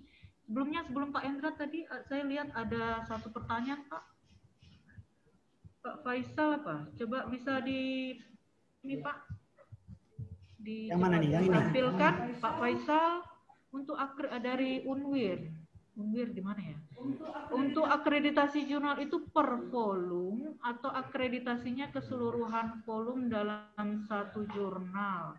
Artinya nama jurnalnya yang akreditasi titik-titik. Oke. Baik, terima kasih Bu moderator, terima kasih Pak Faisal. Jadi memang uh, sesuai dengan yang kita usulkan Pak, sekarang ini kalau dulu, bicara sekarang aja ya. Kalau dulu enggak, kata apa, kapan kapan SK-nya keluar, sejak itulah dia terakreditasi, terhitung itu. Nah sekarang eh, paradigma baru, Nah, paradigma barunya apa? Mulai terhitung akreditasi itu adalah terhitung dua tahun belakang. Jadi misalnya syarat akreditasi kan uh, sudah fix ya, minimal sudah terbit dua tahun berturut-turut. Bapak Ibu berturut-turut dua tahun tidak ada bolongnya. Lalu kita usulkan. Misalnya saat ini Bapak Ibu jurnalnya volume ke-6 eh, nomor 1 Juni kemarin misalnya kan. Nah, nanti Desember volume ke-6 eh, nomor 2 Nah, bulan tahun 2021 pengusulan. Nah, maka yang Bapak Ibu usulkan adalah 2019 volume 1 eh volume 6 nomor 1, 19 volume 19 nomor 2, volume 6 nomor 2 menurut saya tahun 2019. Pokoknya 2019 dengan 2020. Nah, kemudian keluar nanti uh, penetapannya atau akreditasinya, maka akreditasinya berlaku sejak uh, ini sejak volume 6 nomor 1 yang di 2019 itu. Artinya apa? Di sini ada penghargaan terhadap artikel-artikel yang kita usulkan tadi. Kalau dulu enggak, misalnya kita usulkan uh, sebagai barang buktinya tadi volume sekian-sekian gitu kan, berapa volume sesuai dengan peraturan yang dulu saya, perhatikan. Nah, Kemudian di bulan 4 keluarlah SK. Maka SK itu berlaku sejak 4. Artinya padahal yang dinilai adalah uh, tahun berikutnya. Nah sekarang enggak begitu.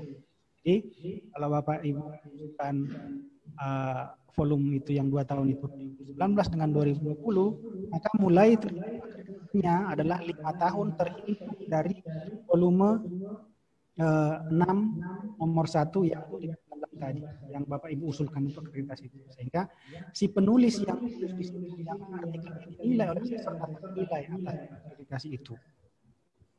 Sampai lima tahun itu adalah sampai lima tahun terhitung. Menurut tadi memang agak cepat lagi, jadi tiga tahun lagi tinggal. Tetapi ada penghargaan terhadap penulis yang artikelnya yang karena artikelnya jurnal itu mendapat nilai bagaimana nilainya yang didapatkan seperti itu.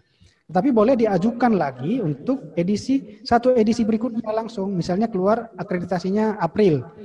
Nah, Juni sudah terbit. Kalau Bapak Ibu sudah yakin, merasa yakin, percaya diri di terbitan Juni ini sudah melakukan proses publikasi yang signifikan, kemungkinan nilainya akan naik, ya usulkan saja di Juni itu nanti untuk Juli, kalau misalnya terbit Juni. Tapi kalau belum, masih sama-sama saja karena uh, hasil penilaian baru keluar Ju, uh, April gitu kan. Sementara artikel sudah diproses sejak Januari sudah ini prosesnya jadi komentar-komentar itu sudah sulit untuk dilakukan paling beberapa yang bisa dan nilainya tidak signifikan menurut Bapak Ibu gitu. Ya udah tunggu aja di tergantung Bapak Ibu lah menilainya. Tapi yang jelas peraturan membolehkan satu edisi setelah terbit SK akreditasi boleh di reakreditasi. Saya kira itu. Baik, terima kasih uh, Pak Danar. Ini ada satu lagi ya pertanyaan sebelum kita tutup ya pertanyaan terakhir dari Bapak Kunaifi Wicaksana Universitas Tulang Bawang Lampung. Jika di dalam artikel penulis pertama itu dosen, yang kedua mahasiswa, padahal itu sebenarnya hasil penelitian mahasiswa apakah diperbolehkan atau seperti apa peraturannya Pak? Terima kasih. Ya baik. Ini banyak kasus. Sering. Ya sebenarnya uh, ini kaitannya dengan etika authorship ya. Etika authorship. Jadi kalau dalam bagian ini, kalau bagian akreditasi ini, seperti saya katakan tadi, atau di artikelnya sendiri, tidak justru tidak menunjukkan siapa dosen, siapa mahasiswa, tidak boleh ada uh, status itu. Tapi oke okay, kita di luar itu, artinya bagaimana hingga artikel itu dikirimkan ke. Jadi ini persoalannya terjadi uh, pre-submission ya, sebelum submit. Karena sudah submit itu, pengelola jurnal tidak urusan itu apakah saya sebagai mahasiswa atau sebagai dosen tidak urusan karena tidak ditulis di sana jabatannya apa. Nah, pre-submission berarti. Nah, saya katakan tadi bahwa ini adalah hubungannya dengan etika authorship sesungguhnya. Jadi, authorship itu atau penulis itu adalah haruslah yang penulis kontribusi kontribusi nyata dalam uh, artik hingga ter, hingga hingga jadinya artikel tersebut mulai dari penelitian sampai penulisannya. Jadi sesungguhnya siapa yang paling banyak itulah yang menjadi penulis utama. Ya. Kemudian urutannya nanti siapa lagi kontribusinya yang lebih uh, kecil, penulis kedua, ketiga, keempat. Sebenarnya penulis pertama dan penulis ketiga yang menjadi persoalan. Kedua, tiga, empat itu kalau dari sisi angka kredit tidak ada bedanya. Jadi sama saja. Cuman di penulis pertama lebih tinggi 60% dan uh, dianggap apa ya pengalaman menulis itu ketika dia penulis pertama sesungguhnya karena penulis kedua itu paling memberikan kontribusi pemikiran yang lain. Tapi itu juga penting. Tetapi ini harus didiskusikan. Ya silahkan saja. Maksudnya itu dari sisi ininya, ah, dari sisi idealnya, etika authorship-nya adalah penulis pertama adalah penulis yang paling banyak kontribusi hingga jadinya artikel tersebut dari penelitian hingga jadinya. Begitu. Nah, kalau misalnya ada kesepakatan di sana, ya silakan saja toh. Saya bu silakan aja bu. Aku habis ini mau bikin bisnis kok ibu pakai aja lah misalnya seperti itu. Ya itu artinya uh, apa ya behind the scene ya.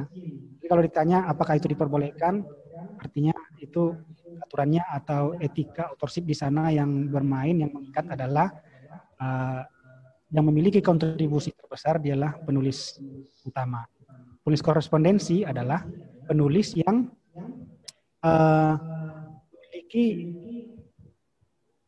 yang yang akan yang akan berhubungan langsung dengan editor baik setelah terbit juga jika ada yang bertanya maka kedialah yang dianggap bisa memberikan jawaban terhadap artikel itu. Jadi pasca terbit ada yang ingin mengetahui lebih lanjut maka nah siapa di antara penulis tadi yang sepakati untuk berhubungan dengan editor dan juga nanti sebagai uh, corong atau telinga ketika artikel itu sudah terbit ingin dapat kritik atau pertanyaan maka dialah apa corresponding author.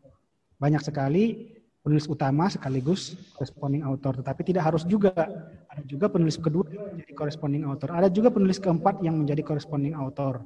Misalnya artikel itu artikel uh, tim di dalamnya ada mahasiswa misalnya. Kebetulan mahasiswanya ini dosen pula misalnya mahasiswa sarjana.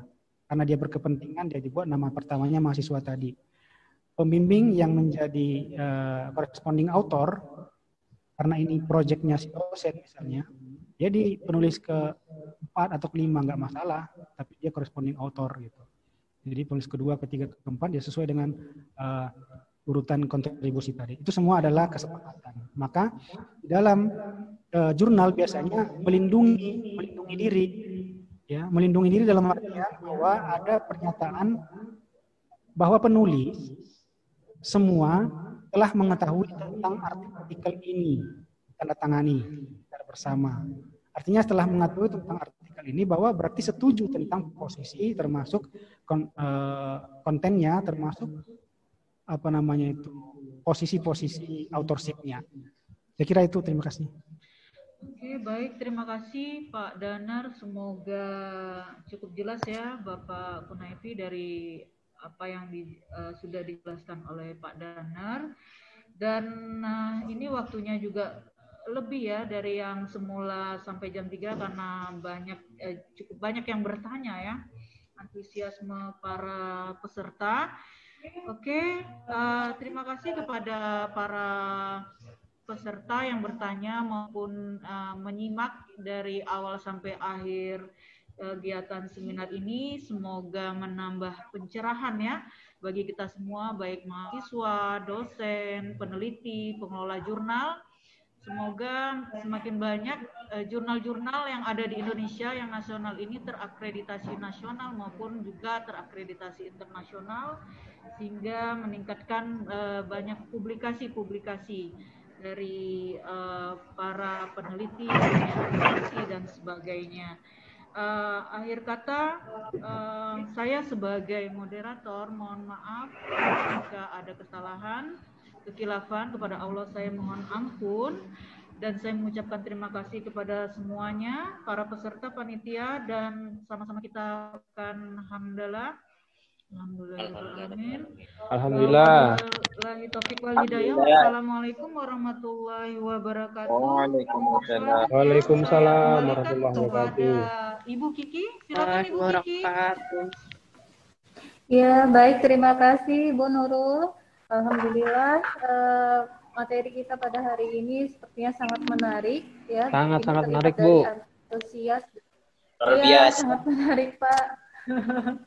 Jadi terlihat sekali dari antusias para peserta yang bertanya kepada Pak Danir tadi. Baik, Bapak Ibu peserta webinar pada hari ini, Alhamdulillah kita semua telah sampai pada penghujung acara. E, namun sebelum kita bisa, alangkah baiknya mungkin kita akan melakukan foto bersama terlebih dahulu Oke. ya Pak. Foto Pak, foto Pak. Jadi, mohon diaktifkan kameranya Oke. pada Bapak Ibu peserta sekalian Oke, untuk kita melakukan foto bersama. Saya mohon bantuan dari operatornya, Pak Parwito, atau siapa yang bisa membantu? Apakah sudah siap? Siap. Mohon dipandu. Sudah bisa, Pak? Sebentar, Ibu Kiki. Oke, Pak. Kita tunggu.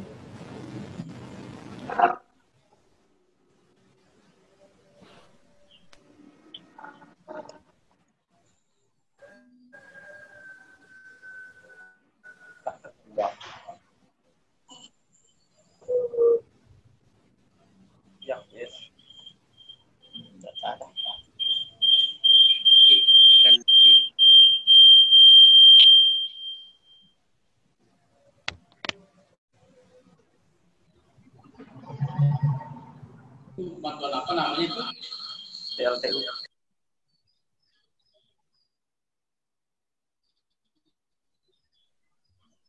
Baik Bapak Ibu, silakan tunjukkan kamera semuanya. Kita akan foto bersama. Halo.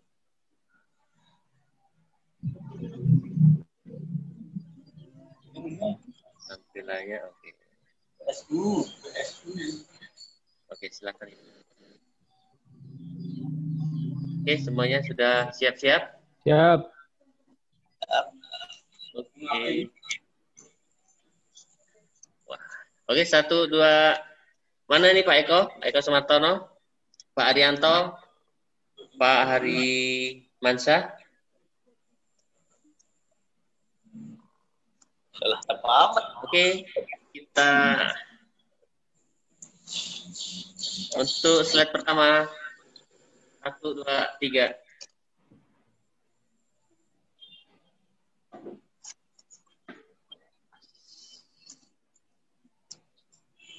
Oke, slide kedua. Siap-siap semuanya. Ini yang belum aktif. Ada Pak Harsismanto, Bu Novi, Pak Dodi, Pak Tanto, Rusmini, Iin, Son, Bu Helinda, Bu Desi, Benteng Matua. Silakan satu, dua, tiga. Oke, slide ketiga. Oke, satu, dua, tiga. Terima kasih. Silakan.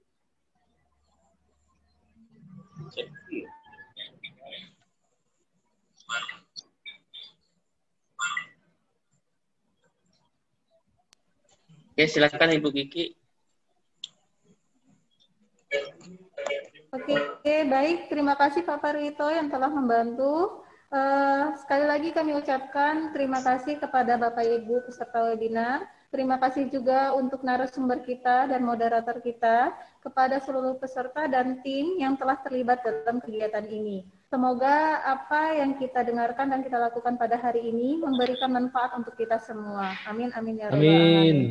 Uh, semoga amin, amin, ya kita tetap bisa bersilaturahmi kembali dalam kegiatan-kegiatan yang dilakukan oleh RJI untuk ke depannya. Kami, kami, kami dari, iya Pak, Kami dari RJI Kota Bengkulu khususnya memohon maaf jika terdapat kekurangan maupun kesalahan baik dalam webinar kali ini maupun webinar sebelumnya.